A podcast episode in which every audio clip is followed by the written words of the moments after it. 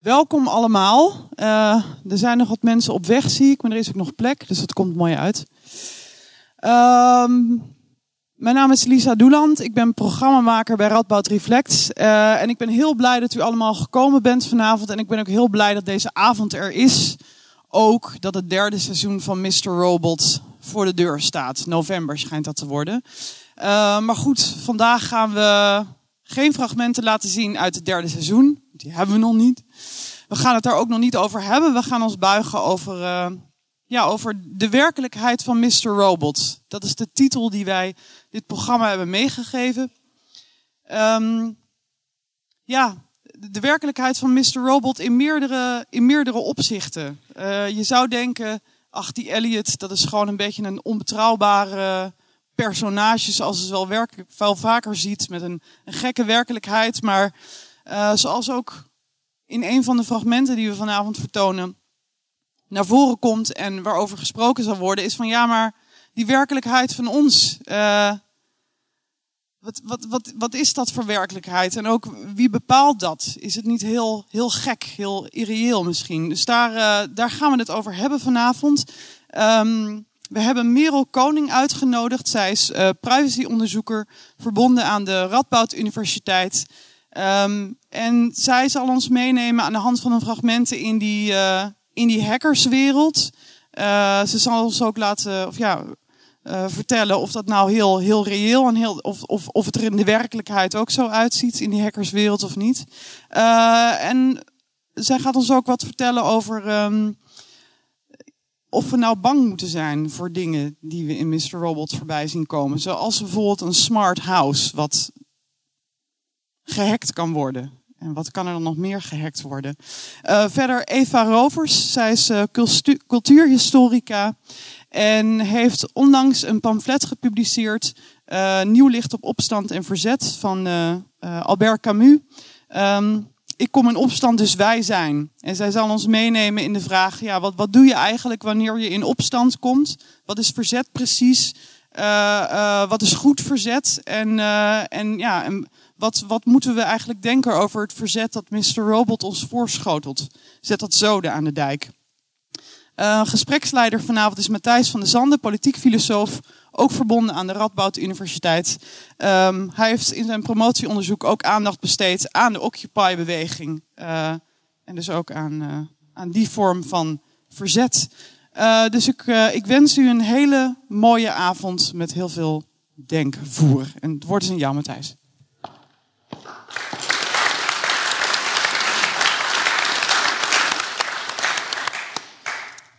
Wel zoals gezegd, we gaan, we gaan natuurlijk. Het gaat over een programma, over een serie. Dus we gaan met name discussiëren aan de hand van een aantal verschillende fragmenten. En ik denk dat we het best meteen beginnen met een eerste fragment. Om, eh, om mee te beginnen uit de, de eerste. Nee, pardon, ik zeg het verkeerd. Uit de tweede serie ehm, van Mr. Robot.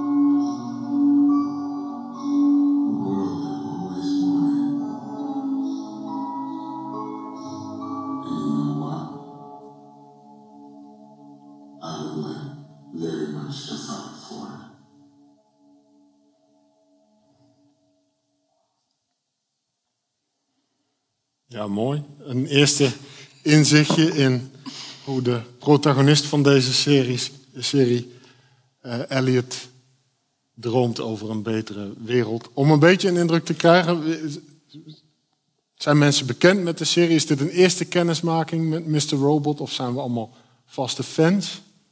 Wie, wie, wie heeft de serie nog niet gezien? Oh jee, oh. spoiler alert jongens.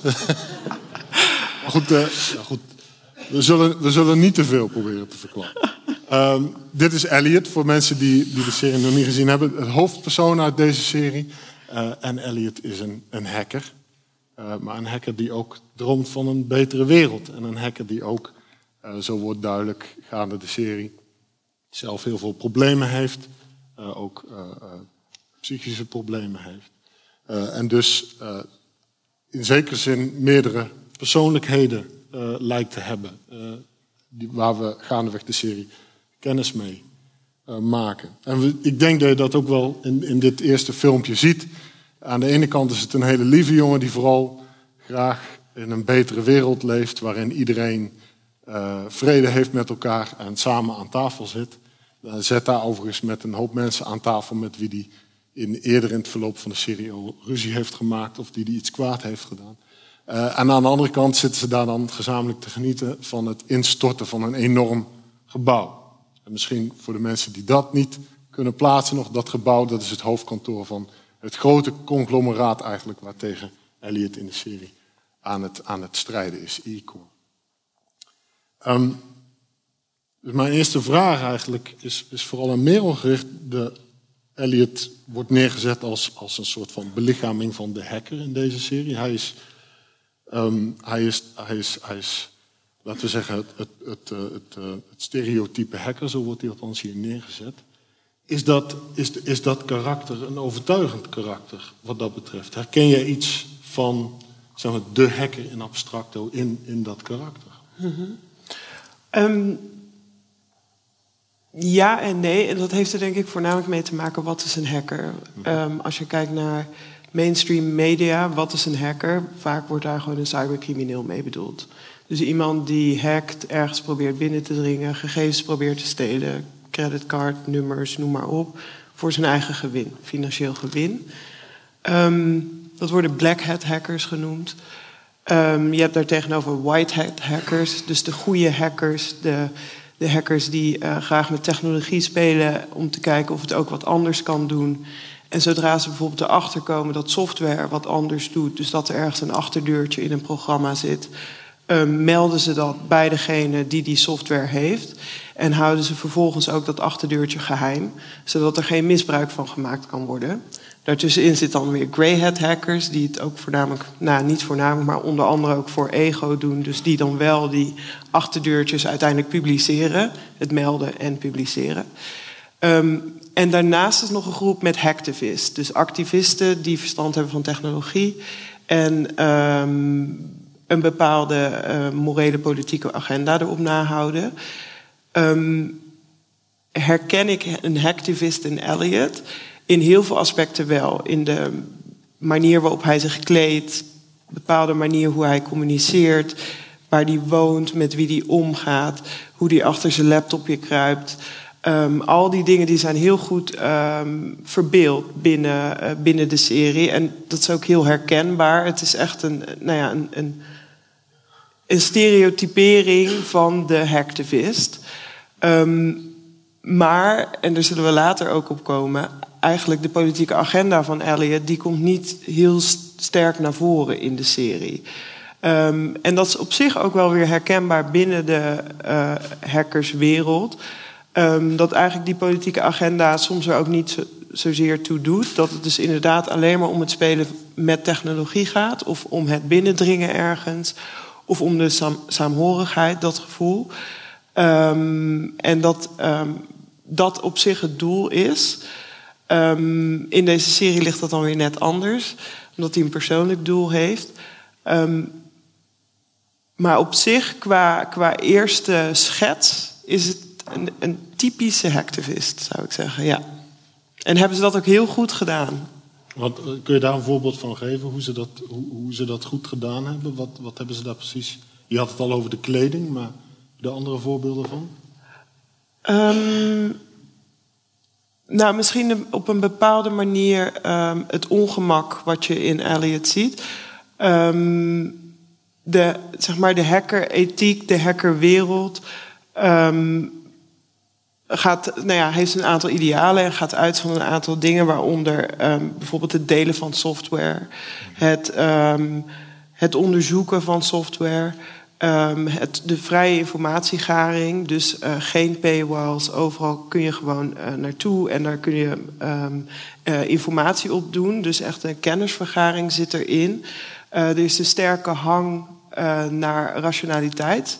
Dus dat is ook goed weer terug te zien binnen computersystemen 0 of 1. Het binaire, het rationele, het overdenkbare. Um, er is een bepaalde mate van hekel aan geheimhouding. En um, eigenlijk al die aspecten zie je ook wel terug in het karakter van Elliot. Um, en dat brengt hij ook wel naar buiten. En dat zie je ook later, volgens mij hebben we dat ook in een fragment, waarin hij een bepaalde rant uh, of uh, nou ja, een, een, uh, een betoog afsteekt, um, waarin al die aspecten naar voren komen. Um, wat je ook ziet, zeg maar wat ik net zei over hackerethiek en de hackerwereld, um, die rationaliteit, dat heeft ook een, een, bepaalde aantrekkingskracht tot een bepaald type mensen. Uh, mensen die heel erg graag, of zeg maar mensen die graag dingen zien in nullen en eentjes, omdat dat de wereld heel begrijpbaar maakt of heel begrijpelijk maakt. En um, de hackerwereld is ook typisch een omgeving waar mensen die uh, lichte vormen van autisme hebben en daardoor briljant op een aantal uh, specifieke aspecten heel goed um, naar voren komen en ook um, echt gewaardeerd worden juist op die kenmerken.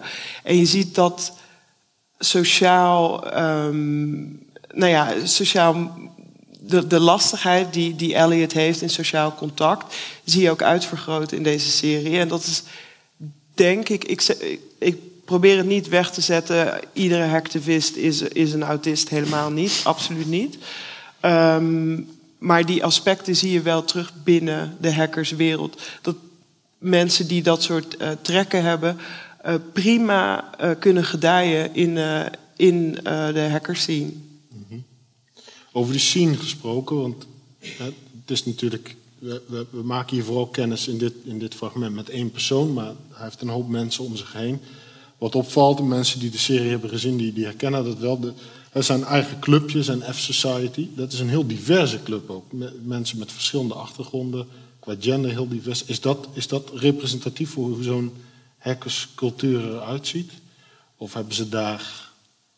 Wat, wat, wat zijn jouw ervaringen daarmee?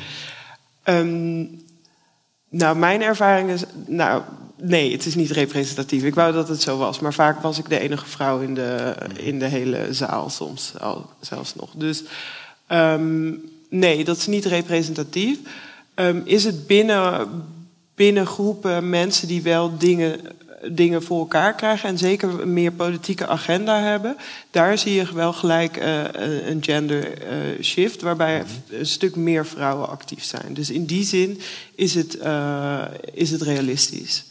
Dus de meer zeg maar, politiek actieve hackerspaces, um, die. Um, nou ja, daar, daar zijn meer vrouwen te vinden. Maar op een algemene hackersconferentie is het aantal vrouwen erg laag. Ja. Zou je nog iets meer kunnen vertellen over, laten we zeggen, het onderscheid tussen politieke hackers, om het zo maar te zeggen, en, en, en minder hackers die het voor de lol doen of die daar voor de, voor de, voor de guts en de glory of weet ik veel, die, die, dat, die dat voor het plezier doen? Is daar, is, hoe, hoe, hoe onderscheid je die? Is dat, is dat, een, is dat een scherp onderscheid? Of, hoe, uh, of, of is dat veel meer een, een, een hoe zeg je dat? Een, uh, zijn dat scenes die in elkaar grijpen, zo gezegd? Ja. Um, um, dat onderscheid is heel moeilijk te maken. Dat is heel moeilijk te maken als je kijkt naar de groep mensen op zichzelf staan. Dus als ze fysiek bij elkaar zijn.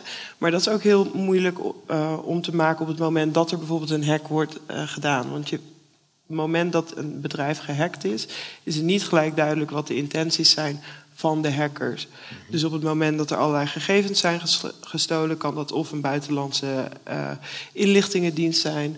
Of het kan um, hackers zijn die dat vervolgens uploaden naar een organisatie zoals Wikileaks. Uh, dat kan ook een buitenlandse uh, inlichtingendienst overigens zijn. Mm-hmm. um, dus er zijn allerlei, uh, allerlei aspecten zitten daar, zitten daar aan die niet direct duidelijk zijn. En ik denk ook als je kijkt naar online platformen waar um, veel dus black hat, of black hat, white hack het hackers, maar ook hacktivists samenkomen. Zeker een aantal jaar geleden, zoals een forum 4chan.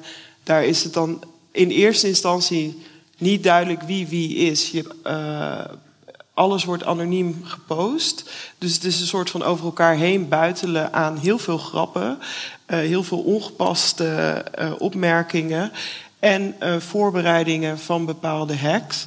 Um, waarbij dus niet duidelijk is wat de intenties direct zijn. Omdat voor een aantal mogelijk de intenties heel anders liggen dan voor anderen. En ik denk ook als je kijkt naar een organisatie, of een organisatie, een beweging zoals Anonymous, ook iets wat we, waar we denk ik nog meer over zullen hebben later deze avond. Um, dat is een, een beweging waar niet. Um, die niet is te duiden tot een aantal mensen en meer een masker wat voorgehouden kan worden wanneer het degene uitkomt om het masker voor te houden. En um, daarin is het dus heel moeilijk onderscheid te maken. Um, voor, nou ja, voor allerlei, uh, zeg maar voor sociale wetenschappers, maar ook voor hackers onderling. Uh, op het moment dat de politieke agenda's niet meer gelijk lopen, zie je ook allerlei afsplitsingen. Je hebt dat met Anonymous ook gezien, waar dan weer lulzak uit voorkwam. En toen weer daar afsplitsingen van en weer afsplitsingen. Totdat het misschien alleen nog maar uh, one-man armies waren die in hun eentje aan het hacken waren. Dus um, dat zie je wel, wel op die manier terug. Om even terug te keren naar, naar Elliot. Ik bedoel, Elliot, zoals we, hè, waar we het eerder over hadden, is een, is een hacker die zich engageert met een bepaalde strijd. Het is deels een persoonlijke strijd, maar deels ook een politieke strijd wat dat betreft. Eva, jij werkt aan verzet onder andere als thema. Is, is Elliot een karakter waar je je mee kunt identificeren op de een of andere manier? uh, ja en nee. Ik... Uh um, herkende zijn um, zeg maar de, de, de woede die je kan voelen uh, ten opzichte van een systeem. En het uh, gevoel van wat, wat kan je daar als individu tegen. En over het algemeen uh, hebben veel mensen het idee dat ze daar niet zoveel tegen kunnen doen. Dat je maar een heel klein radartje in het systeem bent. En dat je eigenlijk al blij mag zijn als je er niet door vermorzeld wordt. Um, en uh, wat het, mooie is, en misschien ook wel het aansprekende aan zo'n serie en aan zo'n personage als Elliot, is dat hij er wel tegen opstand komt. En dat hij inderdaad uh, gaat proberen om het systeem te hacken, letterlijk en figuurlijk. Het, eh, het grote overkoepelende systeem, het politieke systeem of het kapitalistische systeem.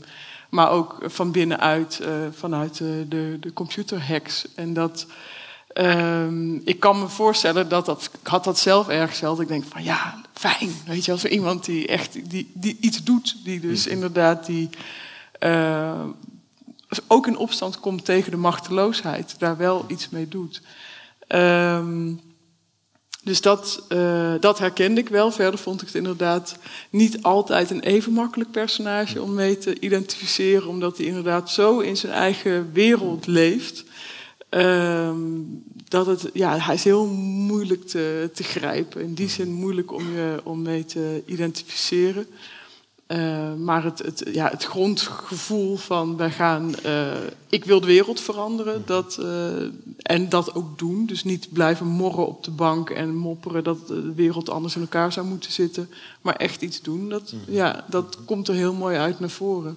Zowel zijn strijd en zijn, de, de onmacht als het daadwerkelijk iets doen. -hmm. Oké, we gaan denk ik door naar een volgend. Um fragment waar Elliot meer vertelt over verzet en, en, politieke verandering. Opnieuw in zekere zin een stukje over wat hem beweegt, maar vooral ook over hoe hij over politieke verandering denkt en wat dat is.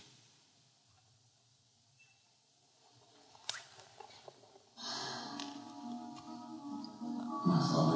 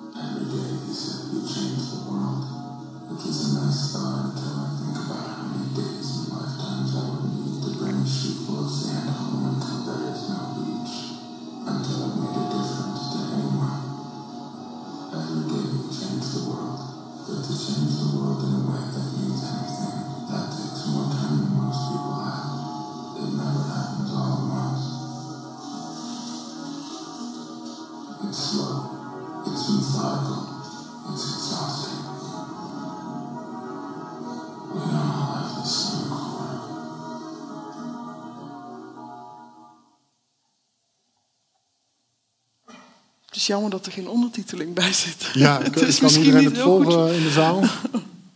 niet heel goed hij, te hij verstaan. mompelt inderdaad Hij- ja, een klein ja, beetje. Ehm, we, zagen, we, we, we zagen verschillende beelden, onder andere ook van zijn goede vriendin eh, Angela, die, eh, die net een stapel eh, eh, rekeningen vindt in het huis van de vader. Die vader zit eh, zwaar in de schulden.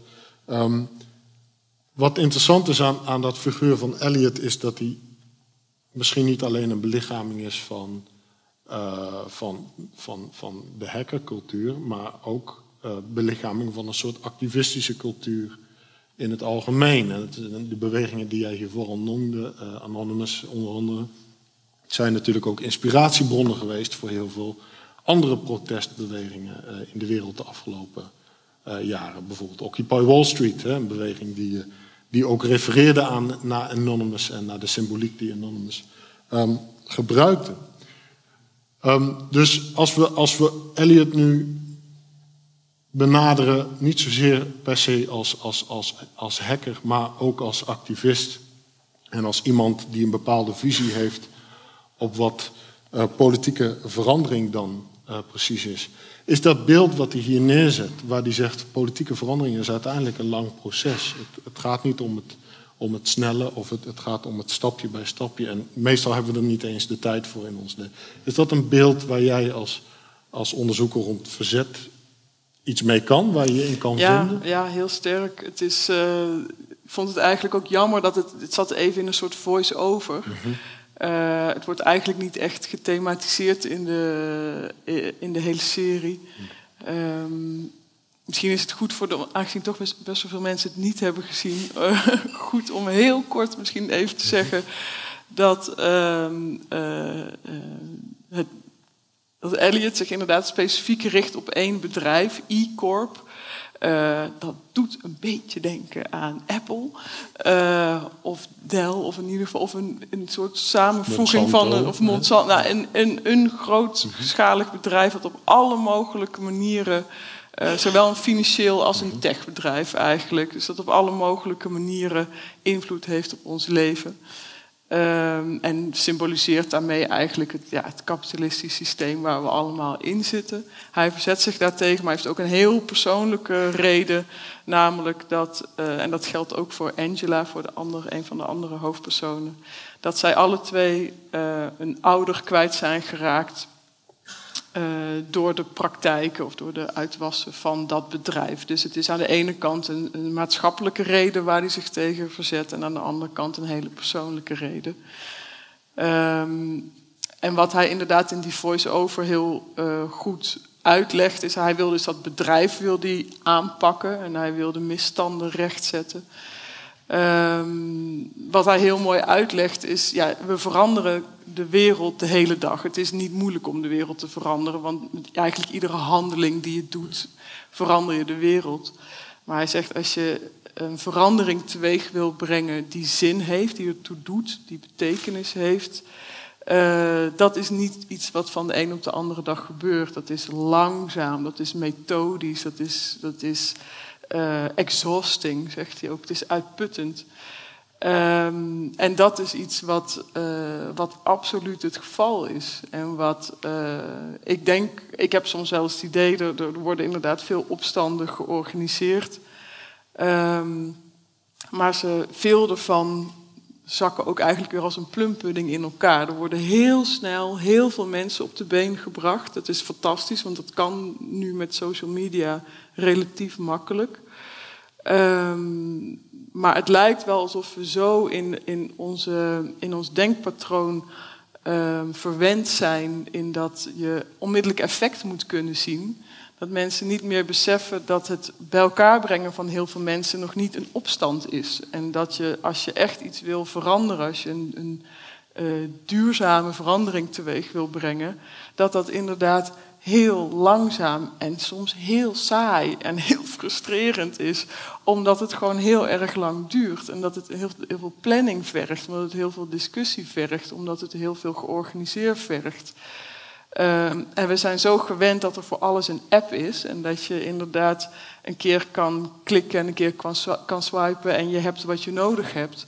Ja, met, met, als je echt een verandering teweeg wil brengen, gaat dat niet. Je kan inderdaad die apps gebruiken om mensen bij elkaar te brengen.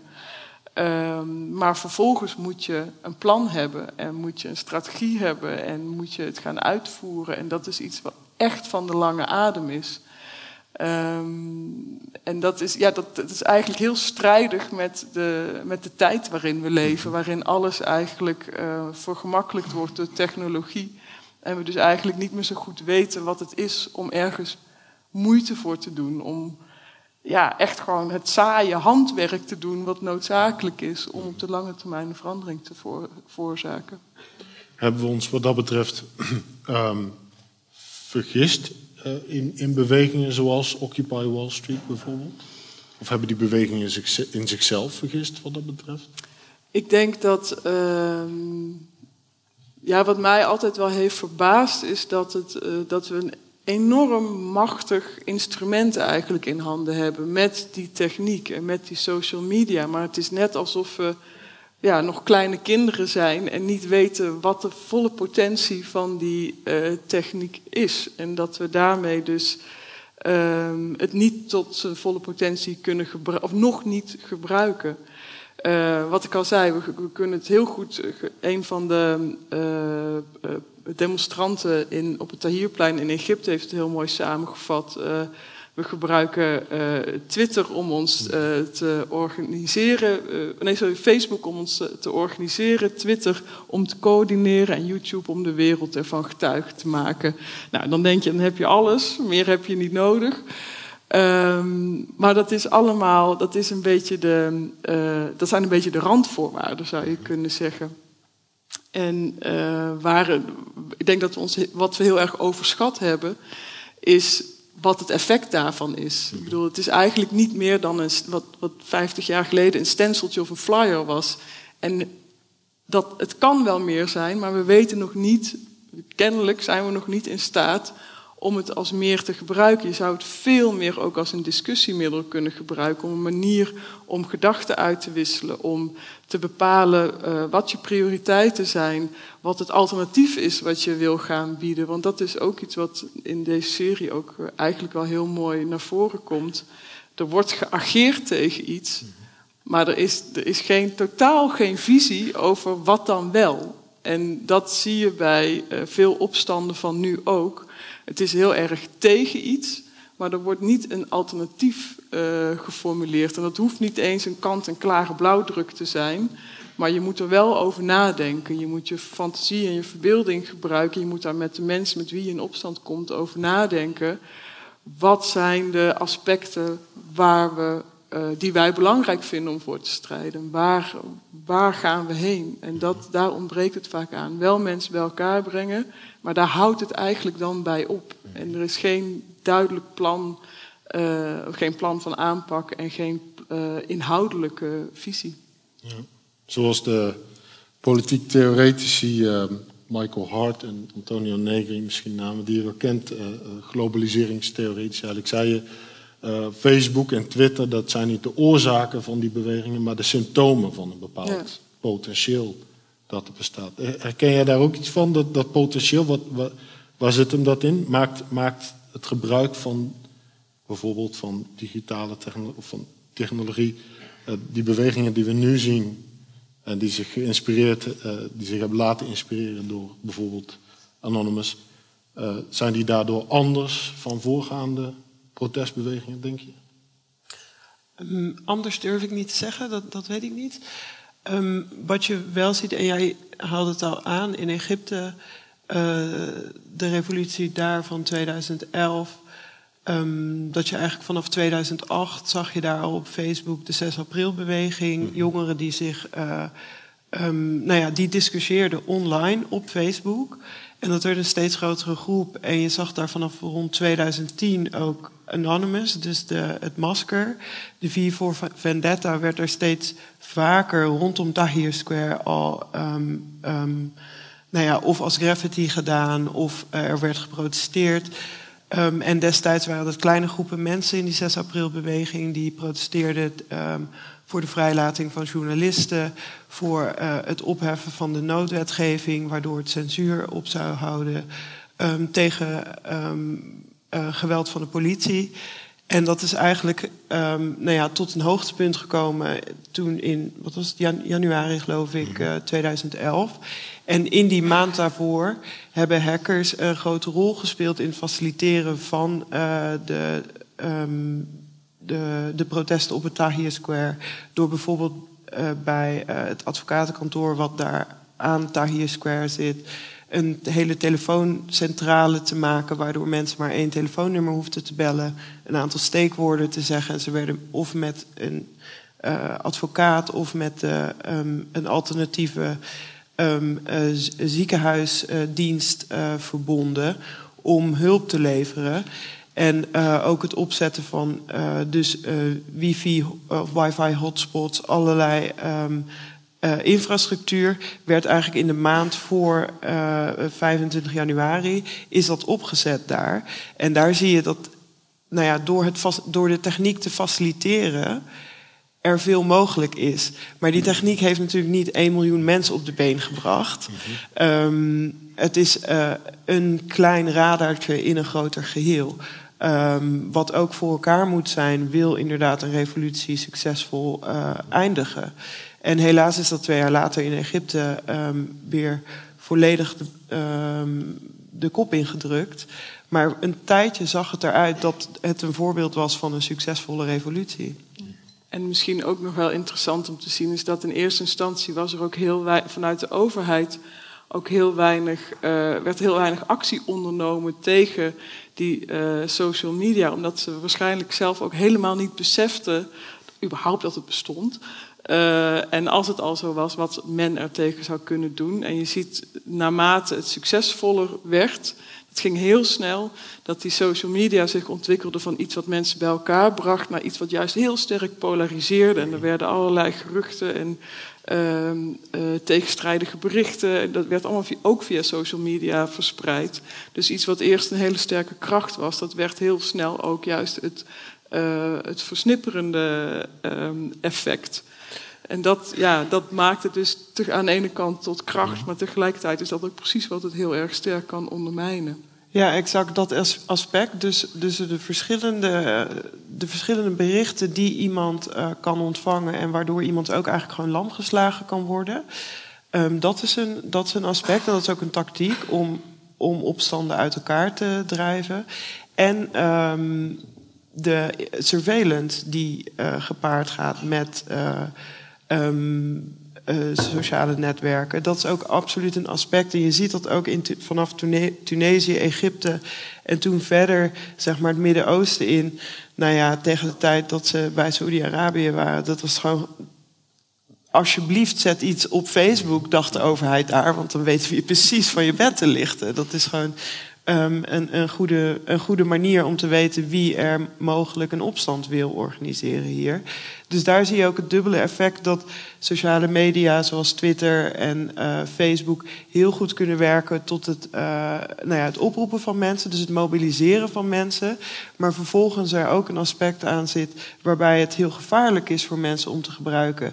En dat is niet een ver van je bedshow. Uh, um, wat alleen in Egypte of in het Midden-Oosten is gebeurd. Dat zie je nu ook met de protesten tegen Trump, bij de inauguratie van Trump.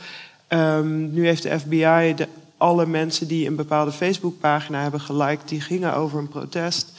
Um, tijdens zijn beëdiging, daar hebben ze alle informatie van opgevraagd. Vervolgens weten wij dit nu, omdat uh, het desbetreffende bedrijf, Facebook, uh, die gegevens niet heeft overhandigd en ermee naar de recht, rechter is gegaan. Maar normaal gesproken is dit een volledig geheime procedure. Dus zou je ook niet eens weten dat dat soort gegevens zijn opgevraagd. Um, dus waar je dan van afhankelijk bent, is um, um, het activisme van iemand die bij Google of Facebook of Twitter werkt, die zegt: We're not going to do this. Dus eigenlijk activistische advocaten uh, die uh, advies geven en zeggen: dit is, uh, dit is geen goed plan. En zodoende kom je ook achter. Um, nou ja, niet erachter, maar zodoende wordt het meer realiteit dat sociale media ook een gevaar kunnen zijn voor degene die het gebruiken om zich te mobiliseren. Als we, als we even teruggaan naar, naar, naar het, het, perspectief op, op, op, uh, op verandering dat Elliot hier geeft. Jullie geven eigenlijk allebei aan van aan dit soort mobilisaties bijvoorbeeld. Aan grote protestbewegingen, daar gaat een proces van organisatie achter de schermen aan vooraf. dat, dat, dat, is, dat gaat niet over één nacht ijs. Hoewel we dat wel graag uh, zo ons zo voorstellen in de media. In de media wordt het gebracht alsof ja. het. Ja, maar dat, is ook is heel opvallend. Je moet maar eens op, opletten als er in de media bericht wordt over een opstand of over een demonstratie. Het gaat heel vaak eerst en voornamelijk over het aantal mensen. Mm -hmm. En dan gaat het pas waar het over gaat, waar de demonstratie opgericht is of door wie het wordt georganiseerd. Dus er is ook een enorme. Uh, blinde vlek eigenlijk om er op die manier over na te denken. Terwijl, ja, een grote groep is niet hetzelfde als een hele hechte groep mensen. En het doel van zo'n beweging is natuurlijk veel belangrijker dan de omvang. En dat is, ja. Maar, maar in het verlengde daarvan is dan het, want niet alleen worden die bewegingen vaak hier vrij romantisch neergezet als spontane oprispingen, maar ook heel vaak als bewegingen die volslagen leiderloos zijn. Is, de, is, dat dan, is, dat, is dat ook een problematische weergave? Hoe, hoe, uh, hoe, hoe rijm je dat met, met dat perspectief wat jullie hier uiteenzetten? Uh, klopt dat beeld? Of is het problematisch?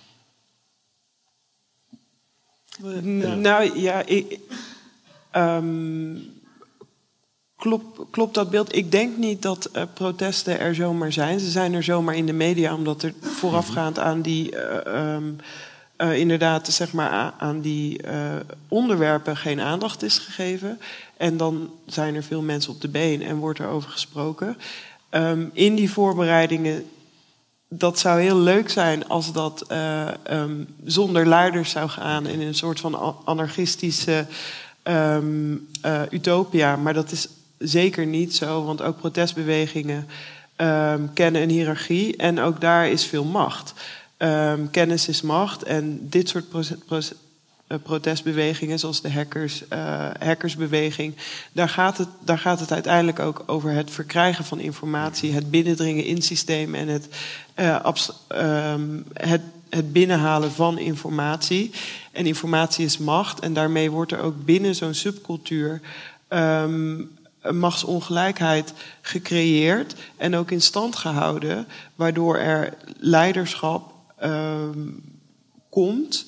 Uh, al dan niet bewust, maar ook uiteindelijk leiderschap um, uh, wordt opgelegd aan mensen die een succesvolle hack hebben gedaan. Of um, op het juiste moment hun, um, uh, hun mond hebben opengetrokken over een bepaald onderwerp.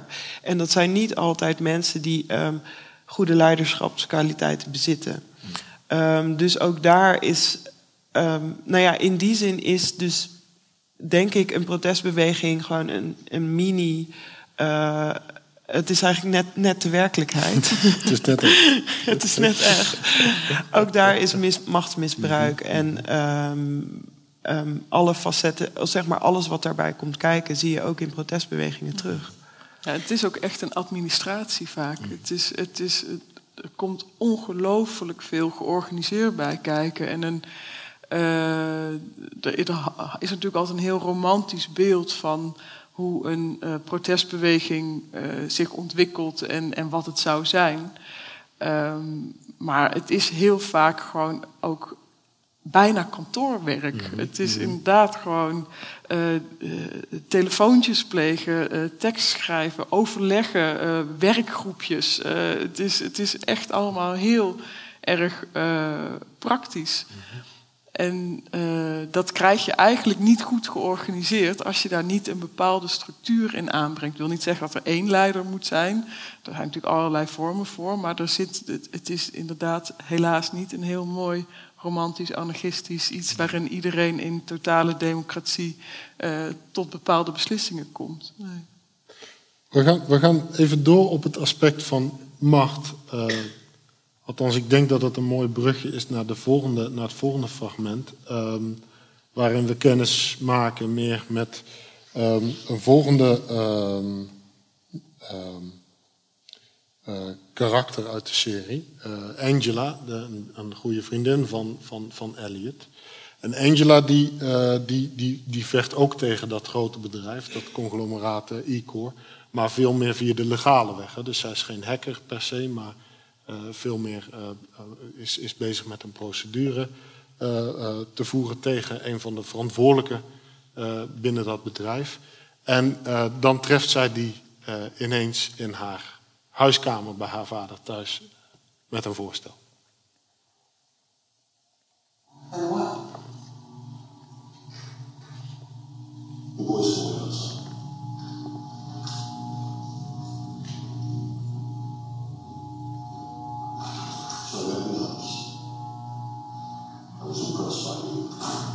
Convinced me, but you played a great short game. You took a big gamble and you got what you wanted. It was just, you know, the wrong thing to want.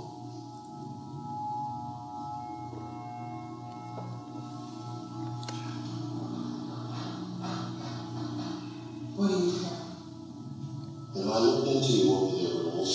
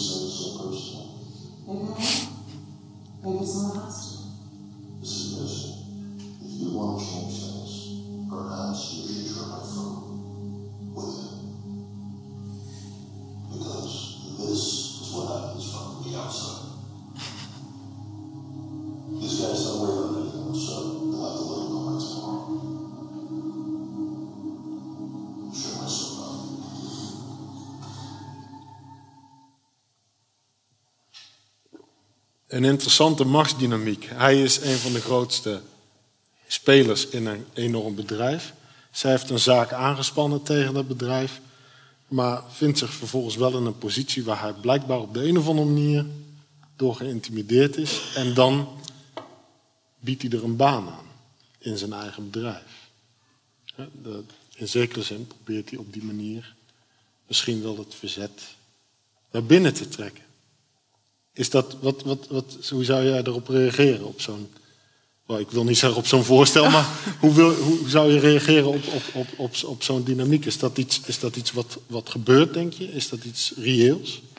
Ehm, nou, als je het, eh, maar daar kan jij beter antwoord op geven. Ik denk dat er inderdaad heel veel hackers natuurlijk bij bedrijven of bij overheden naar binnen worden gehaald om ehm, eh, juist die kant, de kant die ze eerst bevochten hebben, te helpen.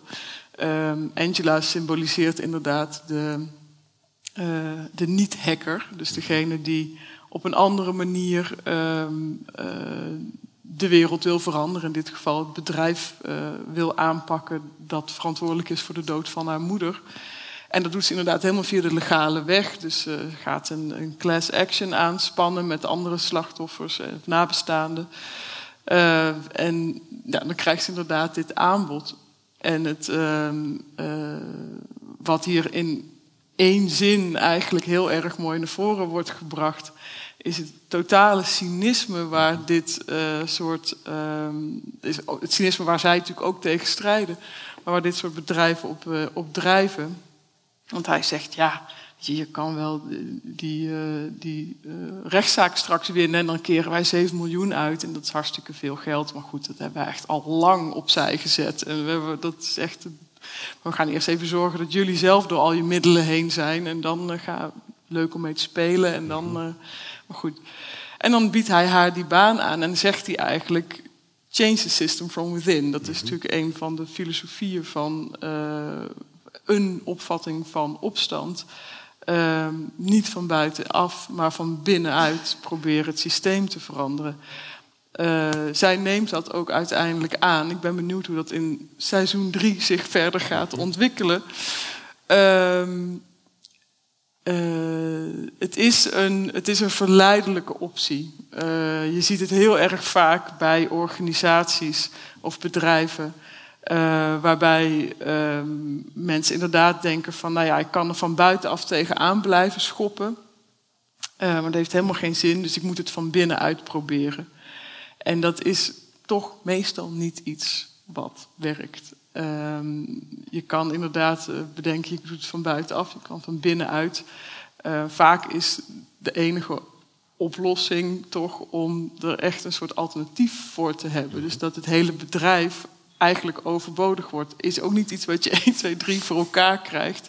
Maar als je het van binnenuit gaat doen, zie je heel vaak dat je gewoon opgeslokt wordt door het systeem. Je wordt koud gesteld, letterlijk. En je, uh, het is heel erg moeilijk om binnen die dynamiek in je eentjes te veranderen. Dan kan je inderdaad beter van buitenaf met een grotere groep proberen om er tegen in te gaan. Of nog beter uh, uh, het bedrijf in kwestie overbodig maken. Wil jij wil reageren? Uh, ja. nou ja, de andere optie is uh, uh, het luiden van de klok. Ja. En dat is ook wat. Sorry, enorme spoiler dit. maar dat is wat Angela doet in seizoen 2. in seizoen 2 infecteert zij het computersysteem van E-Corp. En haalt ze daar de documenten weg die met. Um, nou ja, dus, dus die verband houden met de dood van haar, haar moeder en Elliot's vader. Um, en ook nog uh, de documenten die met een aantal andere nou ja, milieugerelateerde uh, rampen te maken hebben, waar dus E-Corp voor verantwoordelijk was. Um, zij downloadt die documenten en brengt die uiteindelijk naar een overheidsinstantie die gaat over het, uh, over het aanklagen van grote, volgens mij, milieurampen. En zij doet dat anoniem. Um, als klokkenluider. Dus dat is inderdaad de andere optie. Um, maar dit is een beetje onrealistisch, omdat de meeste klokkenluiders niet een baan aangeboden, gekregen, uh, baan aangeboden krijgen op het moment dat ze al een rechtszaak hebben lopen tegen het bedrijf. De meeste klokkenluiders gaan gewoon in eerste instantie in dienst, omdat ze gewoon achter het doel van ofwel de overheidsorganisatie of het bedrijf staan. Bijvoorbeeld als je kijkt naar bekende klokkenluiders zoals um, Chelsea Manning um, uit. Uh, het Amerikaanse leger, die um, de, de Afghan warlocks en de Iraqi warlocks aan Wikileaks um, heeft gegeven destijds. Um, zij ging bij het leger om haar, uh, om haar land te dienen in de War on Terror omdat het een verschrikkelijke bedreiging leek uh, voor haar op dat moment. En dat een goede keuze was. En er vervolgens achter kwam hoe vies die oorlog eigenlijk gevochten werd. En toen over is gegaan tot het lekken van die documenten. En zo'nzelfde verhaal is eigenlijk voor veel andere uh, klokkenluiders ook het geval. Zeker op plekken waar, uh, zeker op overheidsplekken zoals um, inlichting en veiligheidsdiensten, het leger, um, uh, politie, um, zeg maar, diensten met macht daar zit vaak een ideeel doel aan, aan vooraf waarom die persoon ook bij zo'n dienst is gegaan. Omdat uh, die positie uh, waarvoor je dus meer macht krijgt, wat je dat vervolgens ook kunt misbruiken, uiteindelijk bedoeld is om de maatschappij te dienen. Um, en dat ze heel erg achter dat doel van het dienen van de maatschappij staan. Dus het beste voor hebben met de maatschappij. En daarom op zo'n positie terechtkomen waar uh, ze geconfronteerd worden met het machtsmisbruik. Um, dat, dat mogelijk loert. Mm -hmm. Edward Snowden was eenzelfde verhaal eigenlijk. Hè? Ja, exact. Ja, Edward Snowden heeft meerdere functies bekleed binnen uh, het inlichting veiligheidswezen waaronder ook voor inlichtingendiensten zelf en later voor private bedrijven is gaan werken. Um, ook in de veronderstelling dat hij de wereld een stuk veiliger wilde maken en dat ook um, op zijn manier uh, heeft gedaan en daaraan heeft bijgedragen in de eerste jaren van zijn carrière. En later pas zag, en dat was voor hem hetgeen wat hem over de streep uh, trok, dat de, de mogelijkheden die de Amerikaanse inlichtingendiensten hadden om de rest van de wereld af te luisteren, dat die ook werden gebruikt om Amerikaanse staatsburgers af te luisteren. En dat was voor hem uh, hetgeen waar hij de streep trok en toen besloot om uh, de klok te gaan luiden. Toch, ik bedoel, het argument wat hier gebruikt wordt door die man, een, een samenleving of een, een politieke orde verander je niet van buiten, maar van binnen, door er deel van te worden, door te delen in die macht en dan je dan, dan daar proberen. Dat is, zouden heel veel mensen zeggen, een overtuigend argument.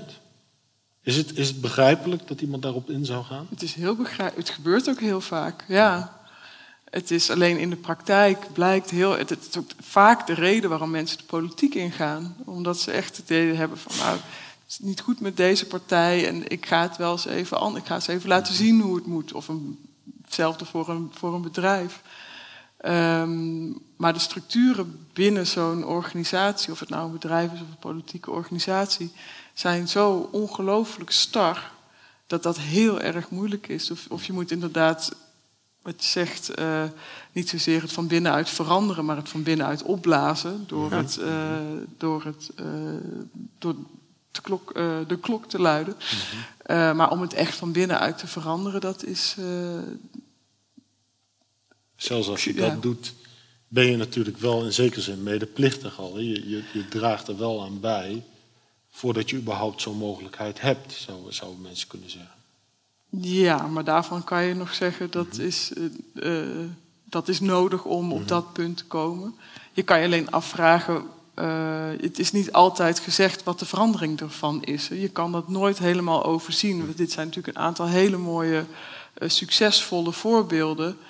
Ehm, maar er zijn natuurlijk talloze klokluiders uh, waar niet naar geluisterd wordt, die niet mediageniek zijn, die, niet, um, die, echt, die ook letterlijk niks hebben kunnen doen, omdat ze uh, gewoon echt buiten beeld zijn gezet en in een soort anonimiteitsprogramma gezet zijn om, met gevaar voor eigen leven.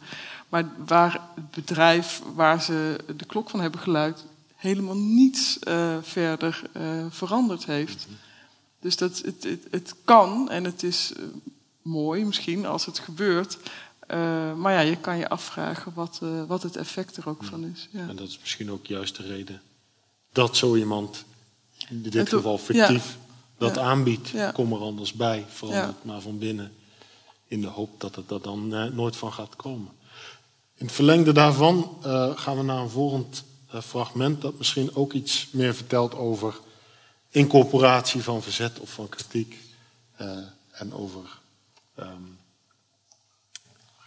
ja, over, over, over, over hoe eigenlijk hoe, hoe medeplichtigheid misschien deels een probleem is van ons allemaal. In dat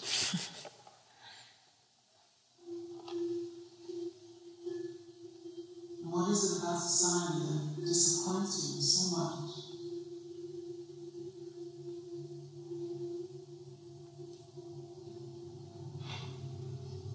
Oh, I don't know. Every year we collectively thought Steve Jobs was a great man, even when he knew billions on the backs of children. Maybe it's that it feels like all our heroes are counterfeit. The world itself is just one big hoax. Spamming each other with burning commentary, bullshit, masquerading as insight. Our social media faking as intimacy. It that we voted for this? Not with our rigged elections, but with our things, our property, our money. Not you know, we all know why we do this, not because Hunger Games books makes us happy, but because we want to be sedated. Because it's painful not to pretend. Because we're cowards. Society.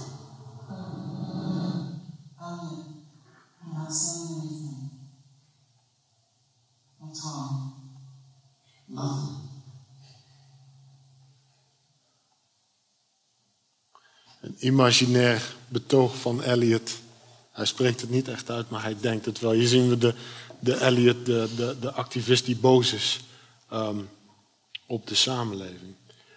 Als we nou iets meer vanuit een, hoe zouden we zeggen, een buitenperspectief naar die serie kijken. Als we nou kijken naar onze eigen relatie als kijker van deze serie. Um, ik vraag me af, worden we niet op eenzelfde manier als Angela ergens ingetrokken? In zoverre dat we hier misschien een zeker gevoel van engagement bij voelen bij zo'n serie. Ons kunnen vereenzelvigen met iemand die verzet pleegt. Maar eigenlijk daarmee ook niet veel verder gaan dan gewoon het verzet te consumeren, om het zo maar te noemen. Is het, of, is, is, is, daar, is, daar, is daar iets vergelijkbaars gaande? Ja, je zou het inderdaad bijna als een soort de serie zelf eh, bijna als een soort kritiek naar zijn kijkers toe kunnen opvatten. En er worden af en toe ook wel hints gegeven in de, eh, in de serie dat, ehm, ja, dat wij als kijker eigenlijk ook niks anders doen dan een soort uh, surrogaatverzet. Het, het gevoel van kijk mij eens naar deze serie kijken. Ik ben ook en mij daarin herkennen. En, uh, maar ondertussen gewoon op je bank blijven zitten. En echt helemaal, de, de, de, serie is afgelopen en je consumeert weer lekker door, zeg maar. Sterker, het kijken van die serie is gewoon het consumeren uh, aan zich. En inderdaad je ook weer laten, zoals hij het noemt, uh, je laten verdoven door vermaak. Ik bedoel, het is natuurlijk niets anders dan vermaak. En uh, uh, ja, we doen natuurlijk de hele dag niets anders. Het is precies waar hij zich tegen verzet. Hij wil eigenlijk iedereen wakker schudden en uh, laten inzien van we, we worden uh, niet als burgers benaderd, maar als consumenten. En we trappen er allemaal keihard in. En we, we denken inderdaad dat als we een nieuw paar sneakers kopen of uh, het laatste mode, dat we daarmee een soort vervulling vinden en dat dat een soort betekenis aan ons leven geeft. En ergens weten we dat wel. En dan is het heel lekker om dat in zo'n serie even bevestigd te krijgen. Maar het verandert natuurlijk geen fuck. En nee. het doet ook niets met ons. Het, zet niet, het is ook nergens echt uh, uh, risicovol. Of tenminste, als kijker is het volkomen risico. Kan je, kan je er naar kijken zonder je echt ongemakkelijk te voelen. Het is, uh, het is eigenlijk weer je, het romantische mm -hmm. beeld van, van de hacker of de, de, de, de eenzame tegen de maatschappij. Mm -hmm. uh, maar om, ja, het, het, het, het, schuurt eigenlijk niet. Het, is niet een, het, het blijft echt een consumptieproduct. Vermakelijk, aanrader, -hmm. zeker. maar het is, niet, het is geen bron van verzet. Ja. Nee. En daarmee wordt onze, onze maatschappijkritiek in zekere zin ook geïncorporeerd, zou je kunnen zeggen. Wordt het ook ingezet voor iets wat het eigenlijk ja, het wordt tot amusement gereduceerd. Mm -hmm. En het, uh, kijk, je mag hopen dat het uh, mensen hier en daar wakker schudt. Maar ik denk de mensen die deze serie kijken, in die zin ook niet heel veel nieuws zullen zien. Mm -hmm. Dat ze natuurlijk, dat zal al een beetje een geëngageerd publiek zijn. Uh, is om nou te zeggen van er gaan echt, uh, nu gaan mensen de straat op. Dat, dat, nee, niet naar aanleiding van deze serie. Nee. Iets, je zou kunnen zeggen, misschien iets vergelijkbaars is wel een beetje met hackerscultuur als zodanig gebeurt. Uh, uh, Anonymous is ook bijna een soort, een soort merknaam. Hè? We kunnen overal in de, in de speelgoedwinkel een Guy Fawkes mask, masker kopen. En, hoe, hoe, is daar, is is, hoe wordt daarop gereageerd in die, in die hackerscultuur zelf? Die commercialisering van hun verzet eigenlijk. Mm ja, over dat Guy Fawkes masker. Um, er zijn ook foto's dat kinderen in een sweatshop die maskers schilderen. Ja, ja, dus dat is dan ja, echt zo. Ja. Iedere revolutie, daar valt wel weer wat aan te verdienen. Mm -hmm. um, hoe daarop gereageerd wordt, is um, deels heel dubbel. Natuurlijk afhankelijk van de persoon. Mensen die uit zijn op, zeg maar, op macht zelf vinden het vercommercialiseren van de hackers-scene uh, alleen maar een pre, want dat betekent meer bekendheid. Um, maar er zit ook wel inherent, uh, zeker in de anar anarchistische hoek van hacktivisme, um, zit het niet te maken willen hebben met uh, commercie. En daarin um, wordt dus eigenlijk, nou ja, zoiets als Mr. Robot met ledenogen aangekeken en ook Um, al snel wordt daar kritiek geuit als er uh, mensen uitgelift worden. Bijvoorbeeld um, destijds 2013 rondom Edward Snowden was er een enorme hype rondom zijn, uh, uh, zijn persoonlijkheid. Hij werd echt een cult cultfiguur. Mensen hadden t-shirts van hem aan, posters werden opgehangen. En daar is toen heel veel kritiek op gekomen. Um, dat dat exact is wat eigenlijk binnen die hackers zien. Um, iets is wat we juist niet willen. Of wat juist niet de bedoeling was. Het, uh, het hebben van een leider en uh, het verheerlijken van een persoon op die manier. En um, je ziet dat nu ook, nou ja, met Elliot wordt deels ook in de serie constant weggezet als de leider. We hebben een leider en dat is Elliot, maar hij is zichzelf daar niet echt van bewust ehm, dat hij de leider is. Ehm, maar de constant dat aspect komt, komt, naar, komt naar voren. En ik denk het, het vercommercialiseren van de hackerscultuur aan de ene zijde heeft dat zeg maar de negatieve kant. ehm, nou ja, dat, die eruit bestaat dat mensen zich daar onprettig bij voelen. Ehm, aan de andere kant heeft het, mijns inziens, denk ik ook een positieve kant. Eh, dat het bekender wordt bij een groter publiek. Waardoor hackers niet gelijk die cybercriminelen zijn die zo uit je scherm over je toetsenbord je aan je stropdas trekken. Maar dat dat ook gewoon mensen zijn die. ehm, ehm, nou ja, met persoonlijke problematiek, zoals ook hier in de serie eh, ehm, uitvoerig uit de doeken wordt gedaan. Dat het gewoon heel tastbare mensen zijn en waar je je ook toe kan verhouden en eh, jezelf mogelijk in herkent in een aantal personages van zo'n serie. Het geeft een menselijk gezicht aan. Exact. hacken. Het geeft een menselijk gezicht aan hacken op een manier die, denk ik, op zo, zo grootschalig eh, en zo, zo commercieel en eh, als hapklare brokken nog niet gepresenteerd is. Ehm, en dat, daar is denk ik Mr. Robot echt uniek in op dit moment. We hebben natuurlijk wel documentaires over de hackers zien, documentaires over klokkenluiders, over hacktivist. Er is fictie gemaakt over hackers in het algemeen, de film Hackers bijvoorbeeld. Ehm, of eh, fictie gemaakt over waar gebeurde ehm, eh, dingen, eh, films over Wikileaks, over Snowden. Maar nog steeds, zeg maar, de hele cultuur eromheen, het dagelijks leven, is nu in natuurlijk een zeer verromantiseerde vorm. ehm, wordt er toch een kijkje gegeven in, in nou ja, het leven van een hacker. En als je, we hadden het net al straks even over het sociale aspect en het, het, het, het karakter van Elliot. Maar als je kijkt naar de praktijk van het hacken.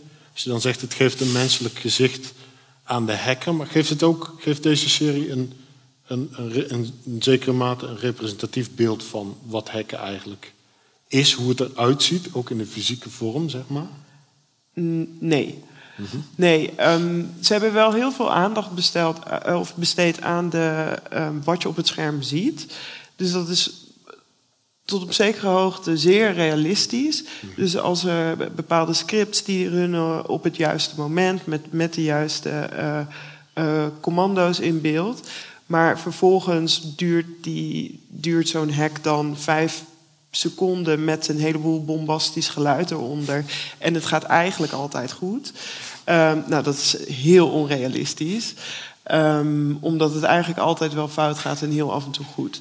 Ehm, dus, en al die keren dat het fout gaat en dat het dus eigenlijk een soort van monnikenwerk is, dat administratieve werk wat jij ook eerder zei, van het is gewoon een hoop georganiseerd met een hoop administratief werk. Dat zie je bij hacktivists ook. Dat is toch gewoon uiteindelijk ehm, pro- proberen ergens binnen te komen en proberen via, eh, nou ja, outsmarting the system.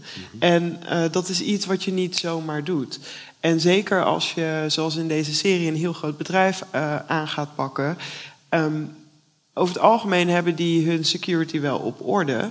En is het dus heel moeilijk om daar binnen te komen. En eh, kost dat ontzettend veel tijd in de voorbereiding. Er wordt hier in deze serie ge- genoemd dat eh, de zus van, van Elliot. Sorry, nu heb ik weer spoiler gedaan. een bepaald personage. eh, de, de exploit in een uurtje heeft geschreven. Nou, dat is, eh, dat is, dat, dat is onrealistisch, niet mogelijk. Voor wat ze er vervolgens dan mee doen en, en, en wat, wat dat stukje software dan doet. En heel, ehm, nou ja, uiteindelijk eh, zorgt het dat het een heel gebouw ontregeld wordt in meerdere stappen die gefaseerd uitgevoerd worden. Dat, dat schrijf je niet in een uurtje. We gaan even door met, met, die, met, die, met dat politieke project van, van Elliot en de andere mensen om hem heen. De F-Society, zoals, eh, zoals de groep zichzelf noemt. En de F-Society is op een gegeven moment succesvol in het, in het, in het, in het bewerkstelligen van een enorme hack. Eh, en zoals dat dan gaat, eh, zoals dat ook gaat met veel reëel bestaande hackersbewegingen, volgt daar natuurlijk een communiqué op een publieke verklaring waarom ze hebben gedaan wat ze hebben gedaan. En daar gaan we nu naar kijken in het volgende fragment.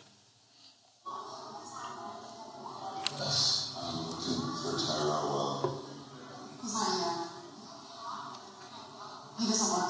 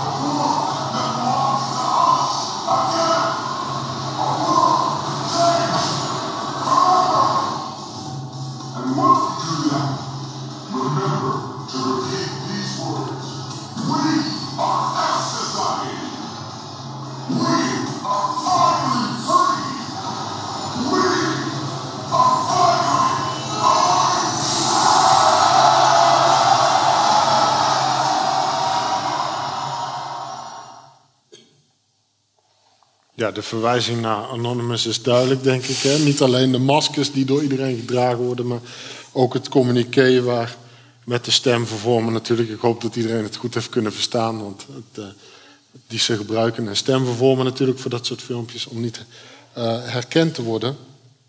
Ehm, om even context te geven voor mensen die, die het verhaal nog niet helemaal kennen. Die F-Society heeft uiteindelijk een database gehackt van dat enorme bedrijf eCore.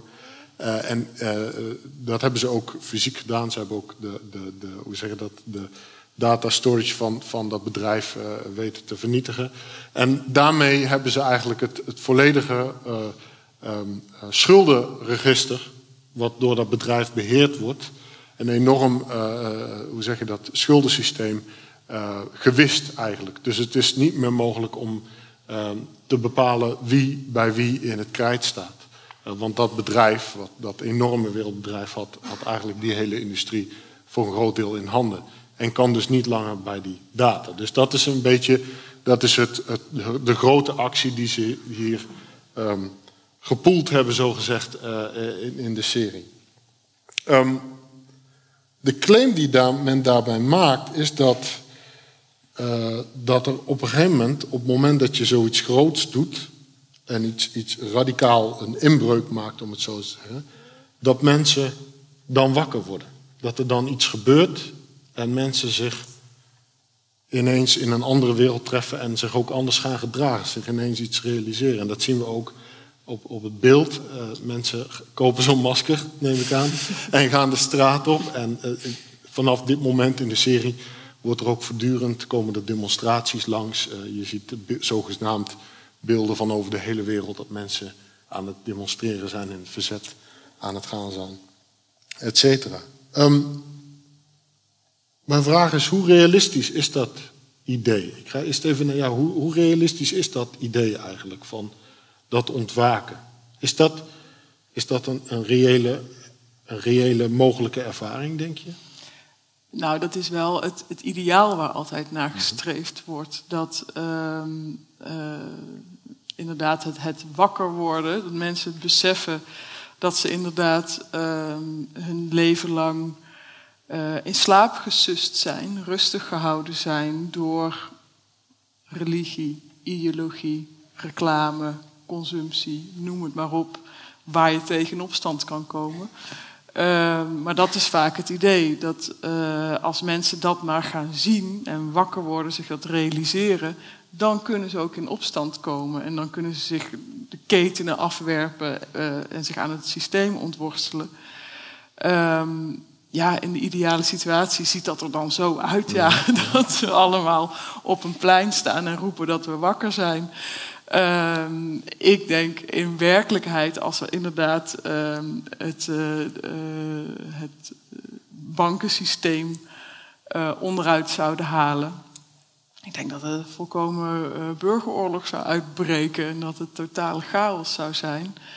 Uh, maar dat terzijde. Mm maar het is, natuurlijk, het is natuurlijk wel een gegeven dat vaak de reden voor dit soort uh, protesten en voor dit soort hacks ook uh, heel idealistisch is. En dat mhm. men inderdaad het idee heeft dat je ehm,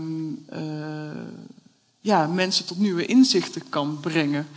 En dat is vaak wel de.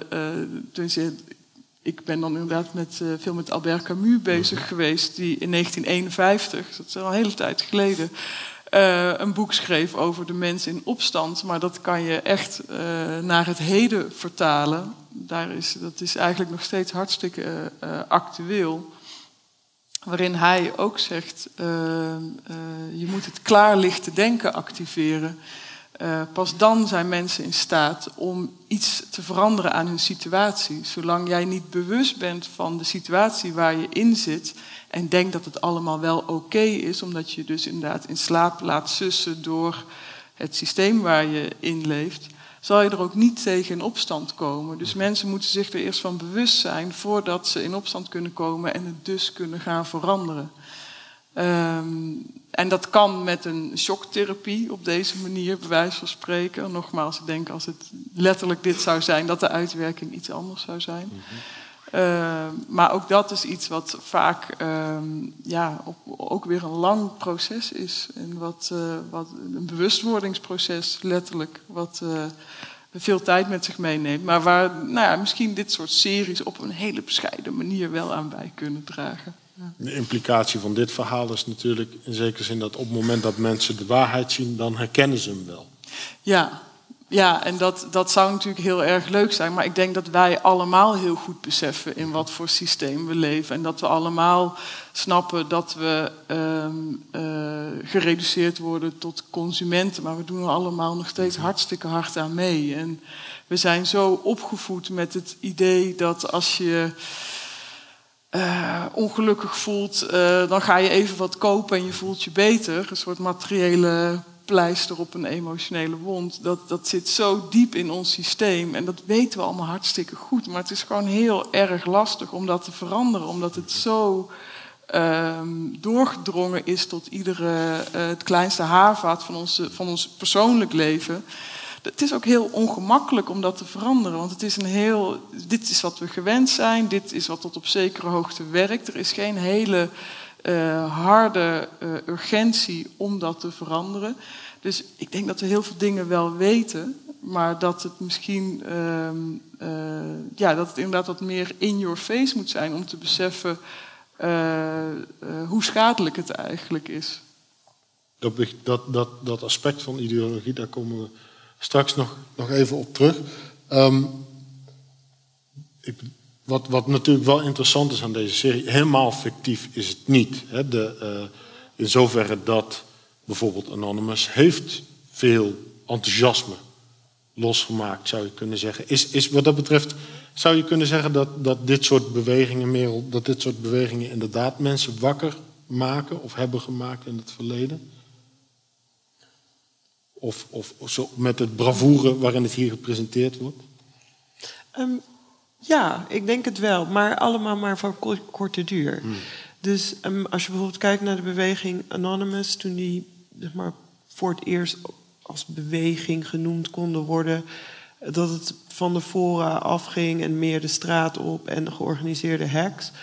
Um, toen was dat wel een olievlek-idee waarbij... Uh, um, het idee van er is geen leider en iedereen is anoniem. Dus iedereen kan iedereen zijn, um, maar we zijn ergens op tegen. En wat dat dan precies was waar er tegen gevochten werd, was ook in de ideologie van Anonymous niet altijd duidelijk. Door de jaren heen zijn er ook heel tegengestelde ehm, ehm, hacks en berichtgeving daarover vanuit potentieel de beweging geweest. En dat is natuurlijk ook weer de kracht, omdat het niet één beweging is, maar een masker is wat iemand zich voor kan houden.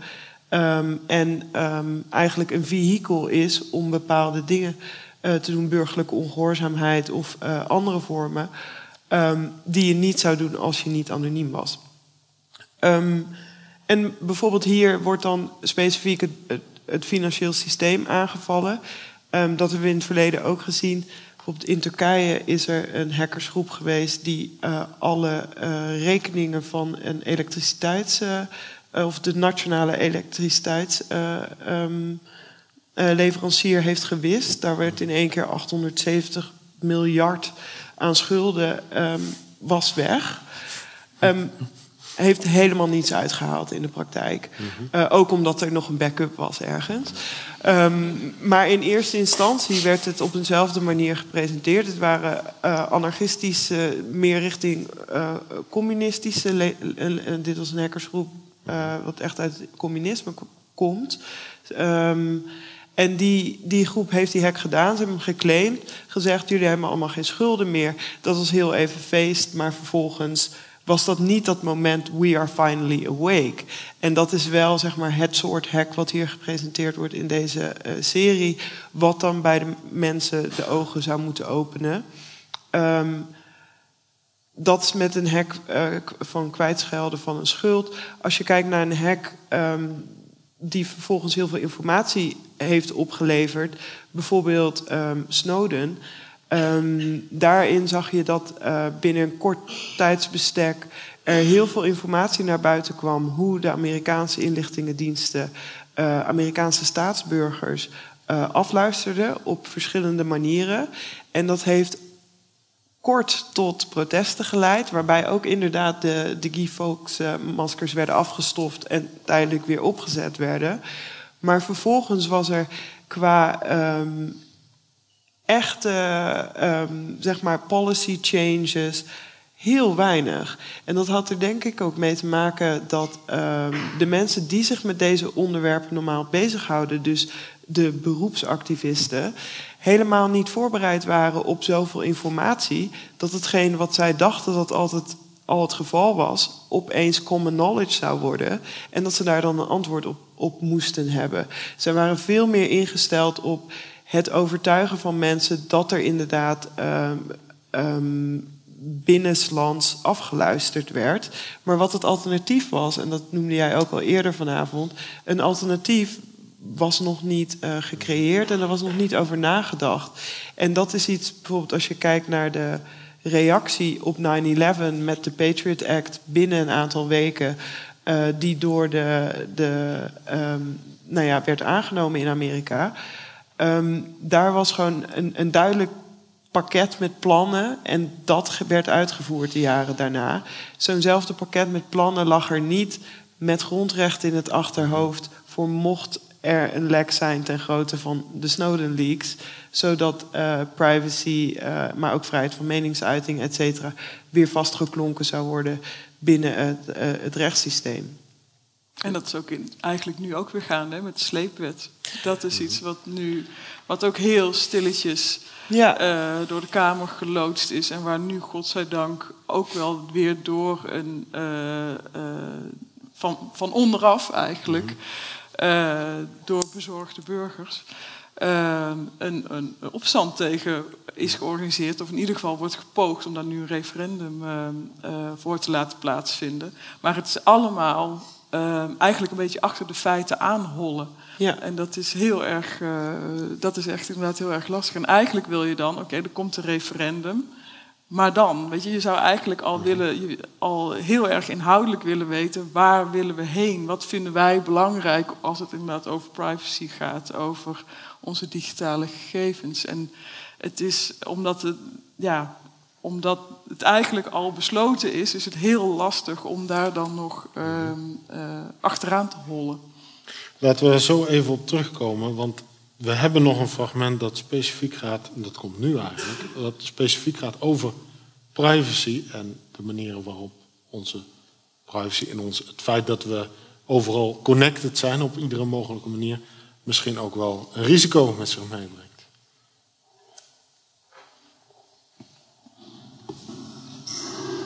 Is the message of I'm telling you folks, this is what they don't want you to hear.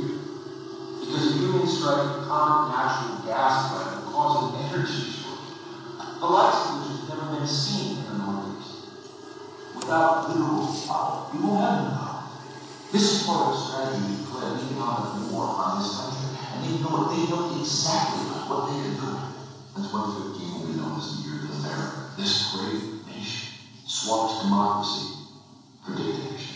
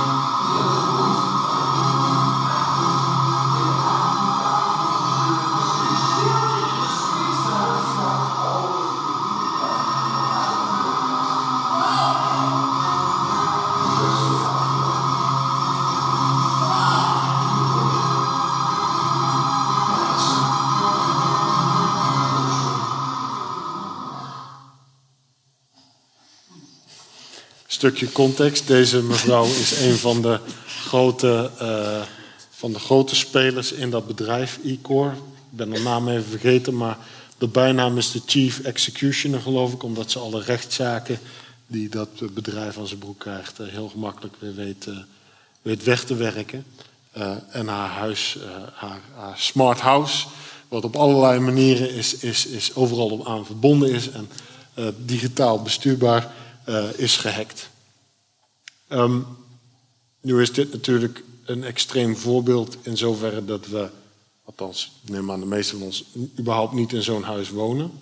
Ehm, ik bedoel, ik gun het jullie allemaal van harte, maar ik neem aan van niet.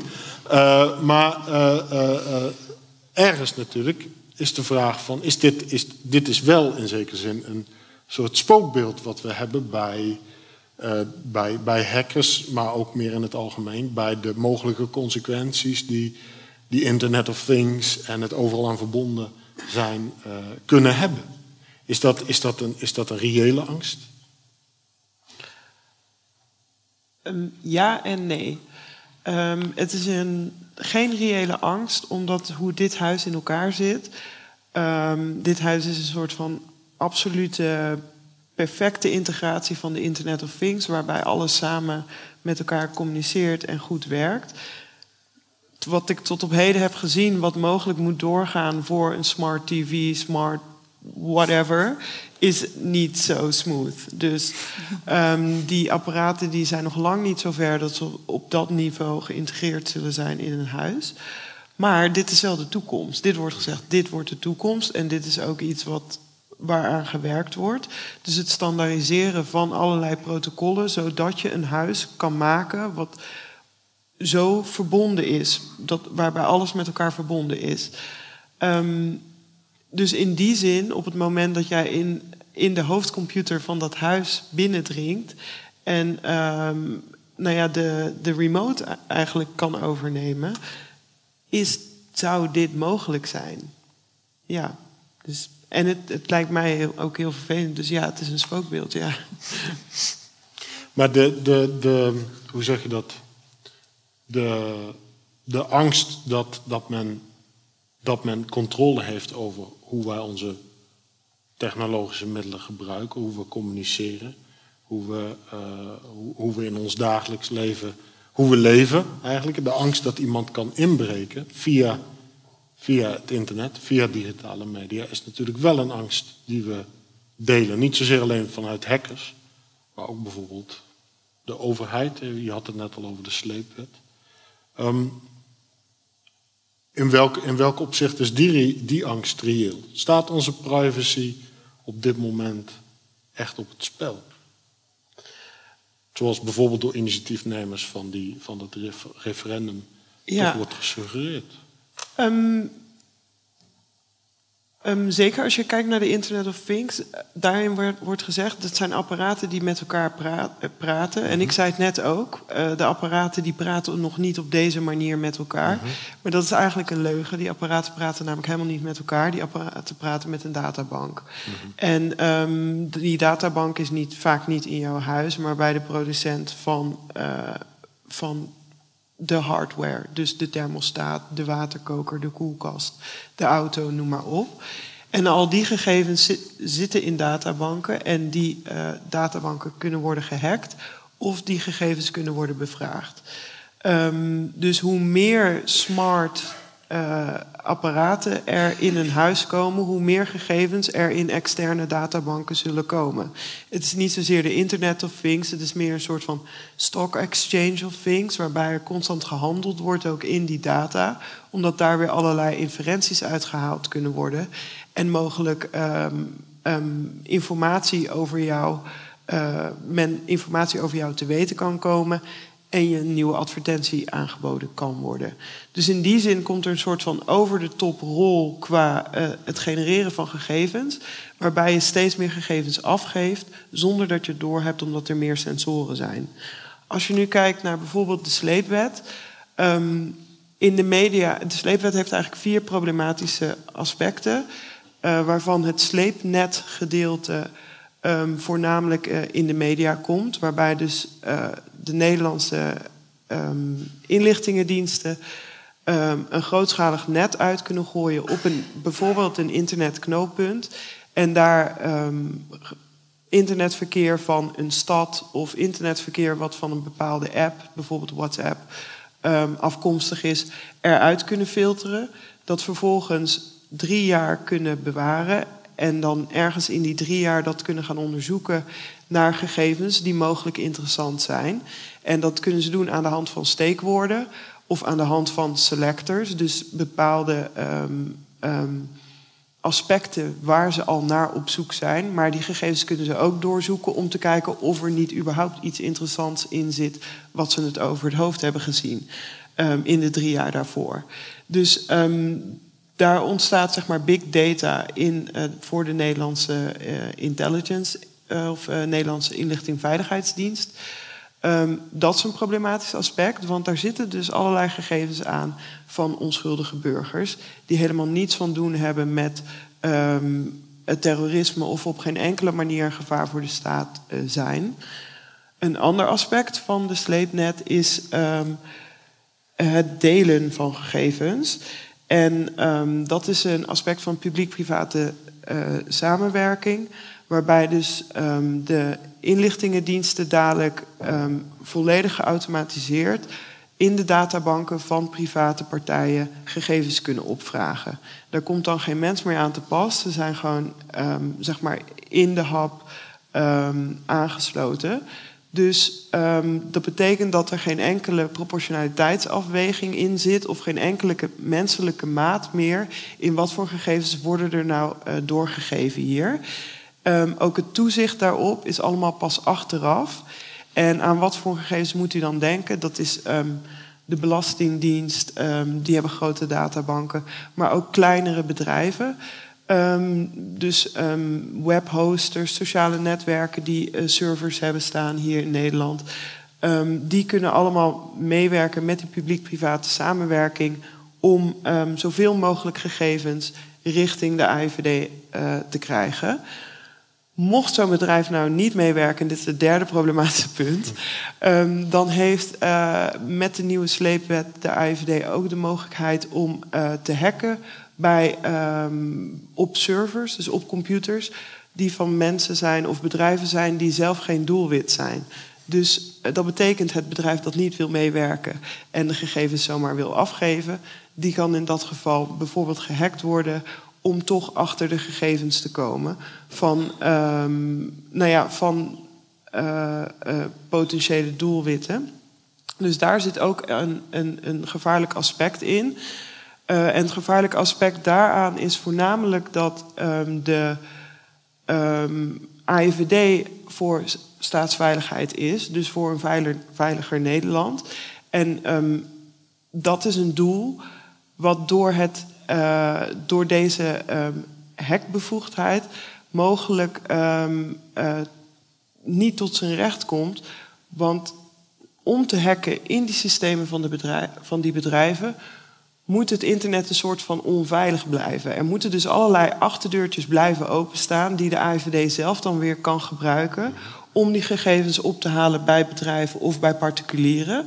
Um, en die achterdeurtjes worden dan niet gedicht, waardoor Nederland veiliger wordt, mogelijk voor bijvoorbeeld een, een hack met een terroristische inslag. Um, dus die, eigenlijk die dubbele agenda van het aan de ene kant veiliger willen maken, maar ook onveilig houden van het internet voor eh, zelf mogelijk ergens binnenkomen, is echt problematisch. Um, en ja, ik voorzie daar ook heel veel problemen in de toekomst. Als we het nou hebben over verzet, dat is misschien ook een vraag voor Eva. Als we het nu hebben over verzet en ons vermogen om ons in het democratische proces te mengen, of ons vermogen om uiteindelijk uh, ons te organiseren voor politieke verandering, hebben dit soort ontwikkelingen daar een zware hoe zeg je dat, zware consequenties voor, een zware effect op. Is, is er een verband wat dat betreft tussen privacy schending aan de ene kant en bijvoorbeeld het verlies van het vermogen om in verzet te komen? Nou ja, het, het wordt natuurlijk steeds lastiger om dingen uh, uh, geheim te doen. Om binnen, ja, het wordt natuurlijk steeds makkelijker voor de partijen waar tegen in verzet wordt gekomen om te onderscheppen. En zeker als dat uh, een overheid is. Uh, en inderdaad, we noemen het al eerder, Egypte was daar een voorbeeld mm -hmm. van. Um, maar in feite met zo'n sleepnetwet uh, doe je Nederland hetzelfde. Uh, kan je inderdaad iedere mogelijke vorm van, uh, van opstand kan je onderscheppen. En het is niet dat ze daar heel gericht, ik bedoel, ik, jij weet er meer van dan ik. Ik weet dat ze niet heel gericht kunnen uh, filteren. Maar het feit dat dus inderdaad al die uh, uh, deurtjes openstaan en dat er gewoon een wetgeving is die zegt dat er gegevens opgevraagd mogen worden, maakt het heel erg lastig om ehm, ja, met de juiste hoeveelheid uh, geheimhouding te communiceren onderling. Dus kunnen dingen veel makkelijker uh, de kop in worden gedrukt. Dus het is, ja, het is, ik vind het echt een uitrolling van het democratisch principe. Ja. Het is heel erg lastig om je dan nog te verenigen. Dus als je het zo bekijkt, is, is het niet eens per se onze privacy die het meest in het geding is, maar misschien ook iets anders. Nou, ook. De democratische rechtsstaat, ja. Ja, ja, ja. Ehm, ja, om dit, dit soort ehm, eh, discussies te voeren alleen maar over privacy is ehm, eigenlijk onzin, want het gaat veel verder. Eh, omdat privacy op zichzelf is eh, fijn om te hebben als je gewoon even Netflix wil kijken thuis alleen en dan ben je afgescheiden van de wereld. Maar privacy dient ook een heel ander doel, een maatschappelijk doel. Waarbij dus inderdaad afwijkende meningen geslepen kunnen worden. Ehm, en ook mensen van gedachten kunnen wisselen in een veilige omgeving, waarbij niet constant iemand mee aan het luisteren is en daar al op inmengt, op welke wijze dan ook. Ehm, en dat is heel belangrijk binnen een democratische rechtsstaat. Uh, dus aan de ene kant het voorkomen van zelfcensuur. Dus um, het creëren van een omgeving waarin iemand volledig zichzelf kan zijn. En uh, dus ook het individu uh, kan opbloeien. En aan de andere kant ook de maatschappelijke functie, waarbij mensen van gedachten kunnen wisselen en ideeën verder uitgewerkt worden. Een goed voorbeeld van um, censuur en de democratische rechtsstaat is um, Montesquieu, toen hij de eerste keer een pamflet publiceerde waarop de trias politica werd uitgelegd, dus de scheiding der machten, wat we nu allemaal als een van de pijlers van onze democratische rechtsstaat zien, de wetgevende, uitvoerende en rechtsprekende macht, en dat die elkaar in balans houden, maar vooral niet op elkaars stoel mogen gaan zitten.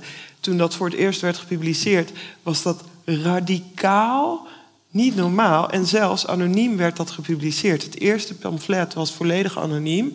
En nu is dat hoe wij het doen in het Westen met een democratische rechtsstaat. Dus dat is een voorbeeld dat ideeën die vroeger, of die misschien nu als vrij radicaal worden gezien, dat dat een hele goede oplossing voor de, of de toekomst zal zijn voor uh, inrichting van de maatschappij.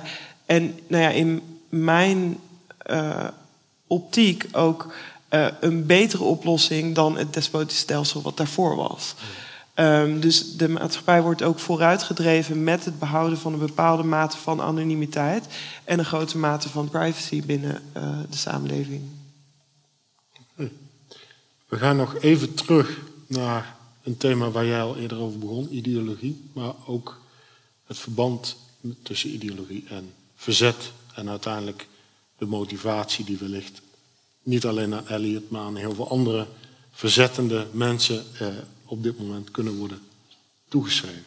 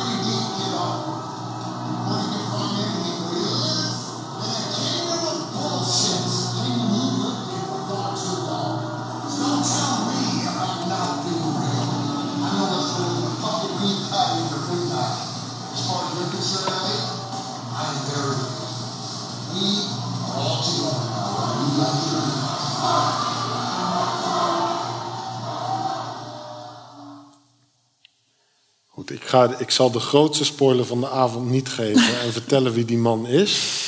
Dat mogen jullie allemaal thuis uitzoeken. Maar het gaat meer om het verhaal wat hij hier vertelt.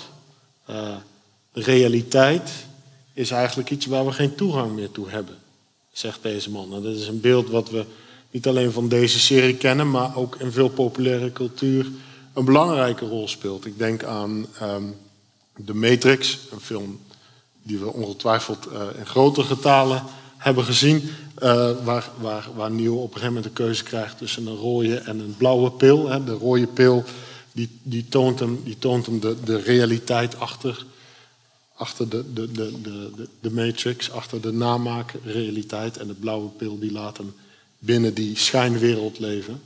Ehm, dat beeld van die rode en blauwe pil is ook, is ook een beetje een meme geworden. Hè? Ook in huidige internetcultuur is dat nog steeds de rode pil, iets waar men vaak naar verwijst. Dus die, die inspiratie van het zoeken van een echte realiteit achter de schijnwereld die wij in ons dagelijks leven, waar we ons in ons dagelijks leven in bewegen. Dat is een, een motivatie die veel activisten aan zichzelf toeschrijven, zou je kunnen zeggen. Maar hoe realistisch is dat beeld?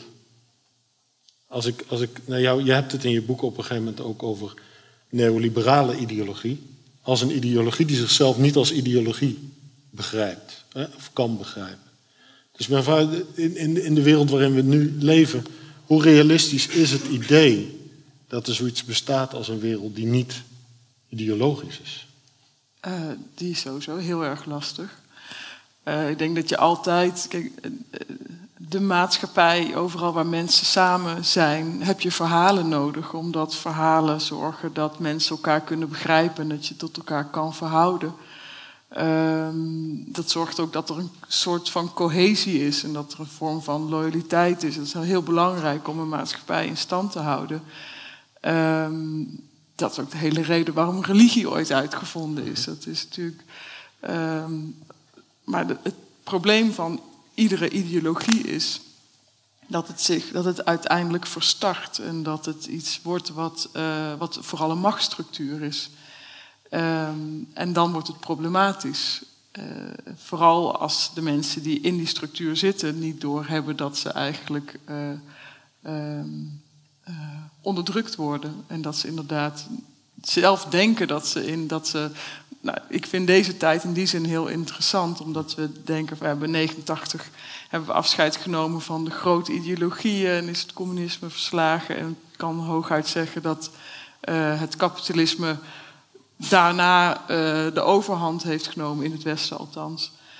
Um, maar daarvan wil niemand eigenlijk aannemen dat het een ideologie is. Want we willen heel erg denken dat we vrij zijn om te denken en vrij zijn om te handelen en dat we allemaal vrije individuen zijn. Um, maar er is natuurlijk gewoon een heel duidelijk ordenend principe. En dat zolang je dat niet uh, benoemt als een ideologie, um, kan je er inderdaad eigenlijk ook niet kritisch over nadenken. Kijk, je kan het ook accepteren, maar dan moet je nog steeds eerst uh, zien dat het een verhaal is, dat het een structuur is, dat het niet de realiteit is. Uh, en die kritische vragen die worden eigenlijk steeds minder gesteld, omdat we uh, in de veronderstelling zijn dat er geen ideologie is. en dat we geheel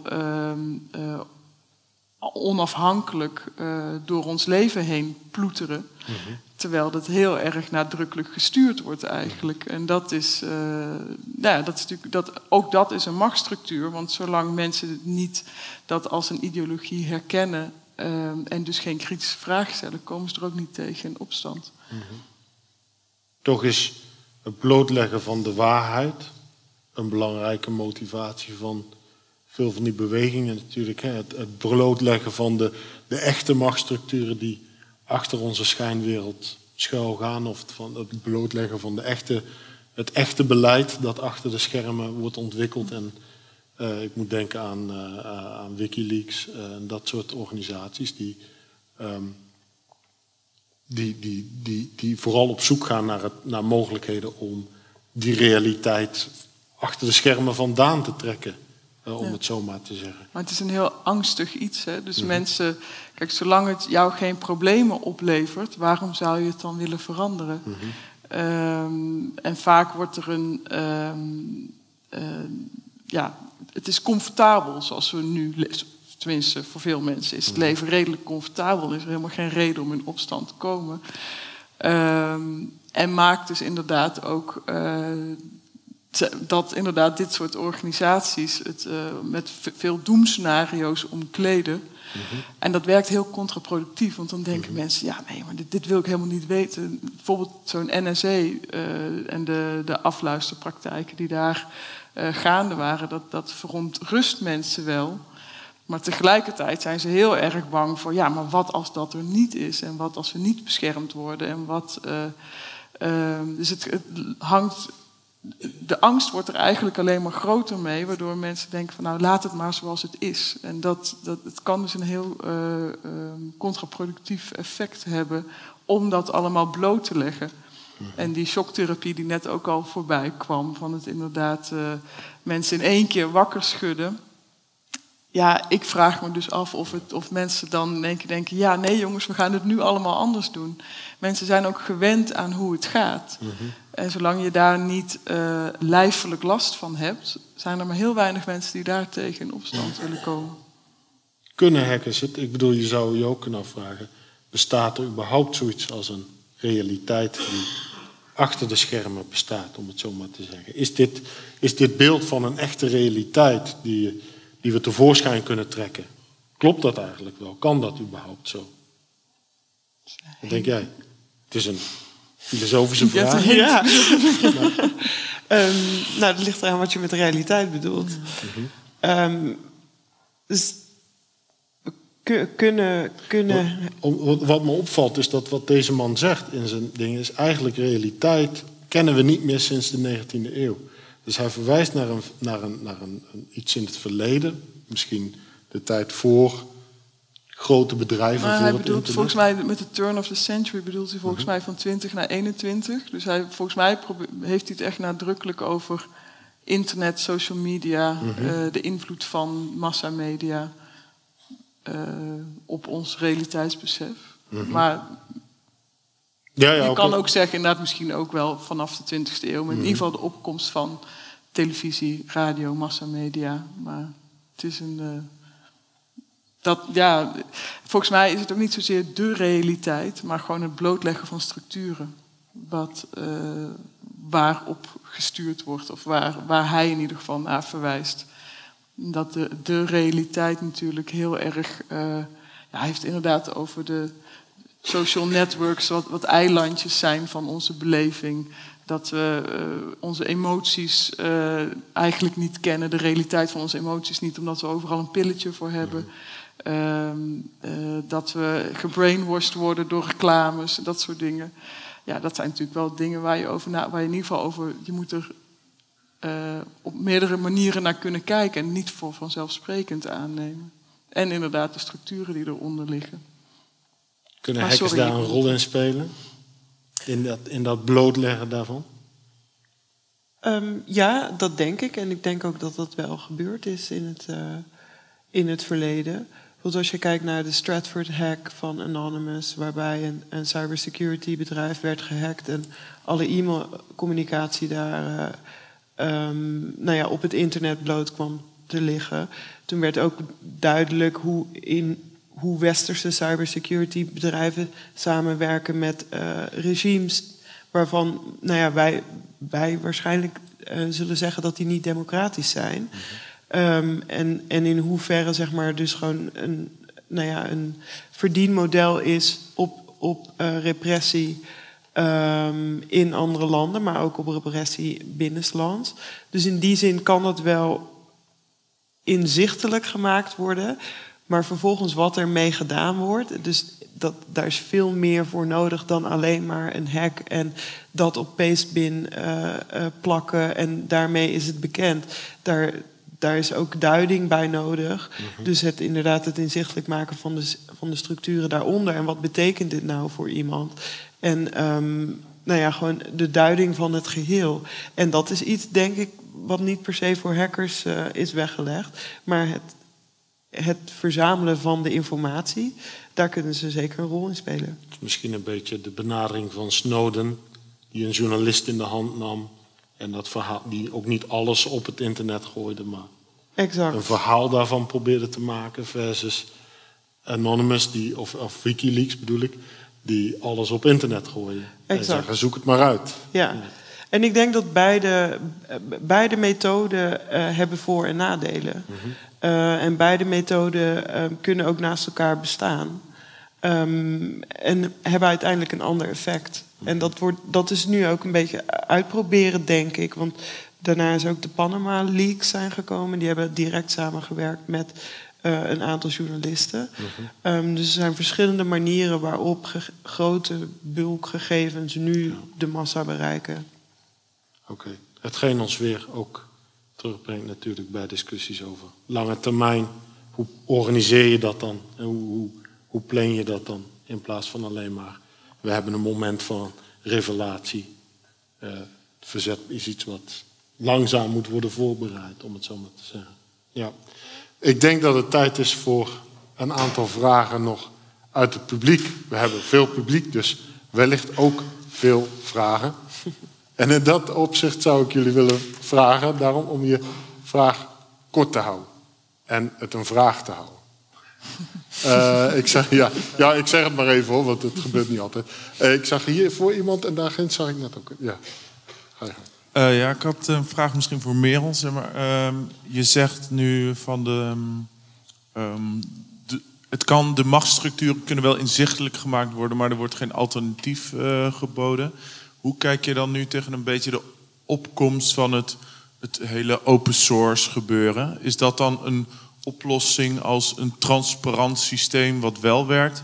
En dan als tweede, misschien voor het privacy-vraagstuk, is dan zeg maar de hele blockchain-technologie de oplossing of is, zijn we daar nog niet mee? Oké. Die laatste moet je even uitleggen. Ja. Ehm, ik begin met de laatste. Eh, blockchain, dat is een technologie ehm, die eigenlijk helemaal niet zo privacyvriendelijk is. Want wat voornamelijk die technologie brengt, is eh, een bepaalde zekerheid dat iets is gebeurd. Als je bijvoorbeeld kijkt naar Bitcoin, daar zit die blockchain-technologie in. Maar dat betekent dat iedere betaling inzichtelijk is. En de manier om je Bitcoin-betalingen eh, anoniem te houden, is door te zorgen dat je je bitcoins nooit linkt aan een echt bankrekeningnummer of dat je nooit een pizza op je huisadres laat eh, bezorgen. Ehm, en op die manier behoud je dan je anonimiteit. Dus blockchain aan zich, daar zie ik niet per se een privacy eh, eh, oplossing in. Free en open software daarentegen ehm, kan mogelijk ehm, een oplossing zijn. Het is niet de oplossing en dan is de hele wereldproblematiek opgelost. Ehm, maar dat is software waarvan de code eh, publiekelijk is. eh, zodat in principe iedereen hem kan, eh, kan checken. Je hebt bijvoorbeeld WhatsApp, daar is de code ehm, achter de schermen. We weten niet precies wat er gebeurt als je een WhatsApp-berichtje verstuurt. Maar je hebt een alternatief, Signal. Daar is de code gewoon vrij van beschikbaar op eh, internet.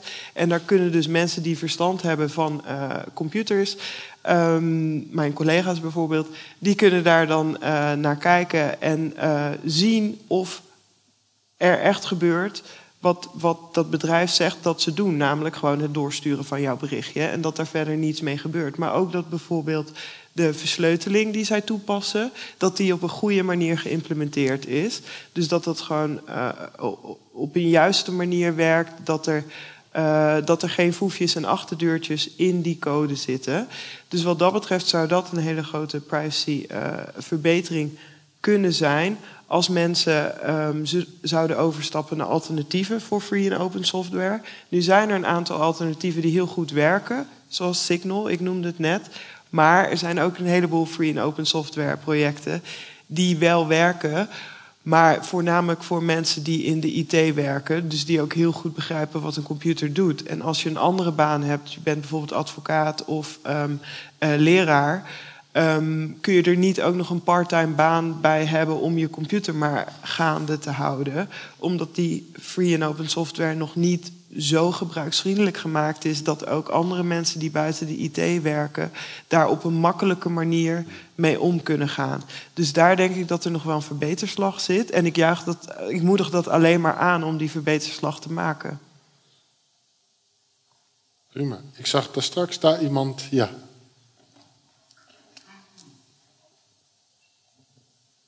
Ehm, welke bij- bijdrage zullen hackers in de toekomst moeten leveren om opstand of protesten succesvoller te kunnen maken? Of hoe zien jullie dat in de toekomst? Dat het minder snel neergeslagen wordt of dat het effect ervan groter is? Misschien even, je hebt het daar in je boek ook wel niet zozeer specifiek alleen over hackers natuurlijk. Nee, maar wel inderdaad het, ehm, eh, je niet blind staren op aantallen. Eh, veel meer vanuit inhoud eh, je protesten organiseren dan alleen maar vanuit de techniek. Ehm, eh, dat is vaak waar het toch eh, ja, nu in ieder geval nog heel erg mis op gaat. Uiteindelijk gaat het over de inhoud, het, het doel, het, het ding wat je wil veranderen. En dat moet centraal staan. En ik denk dat je daar techniek heel goed voor kan gebruiken. Ehm, maar daar moet je ook techniek voor ontwikkelen. En je moet mensen ook laten beseffen hoe ze daar op een eh, meer inhoudelijke manier mee om kunnen gaan. Dus niet alleen al die mensen bereiken, maar ook bijvoorbeeld een, eh, een app zien te ontwikkelen waarin je van gedachten kan veranderen, waarin je eh, tot een bepaalde strategie kan komen, waarin je, nou ja, dat soort zaken. Dus dat is eh, een veel inhoudelijker toepassing van techniek dan tot nu toe wordt, wordt toegepast. We hebben nog tijd voor één of twee vraagjes als mensen willen. Zijn er andere mensen die graag het woord willen hebben?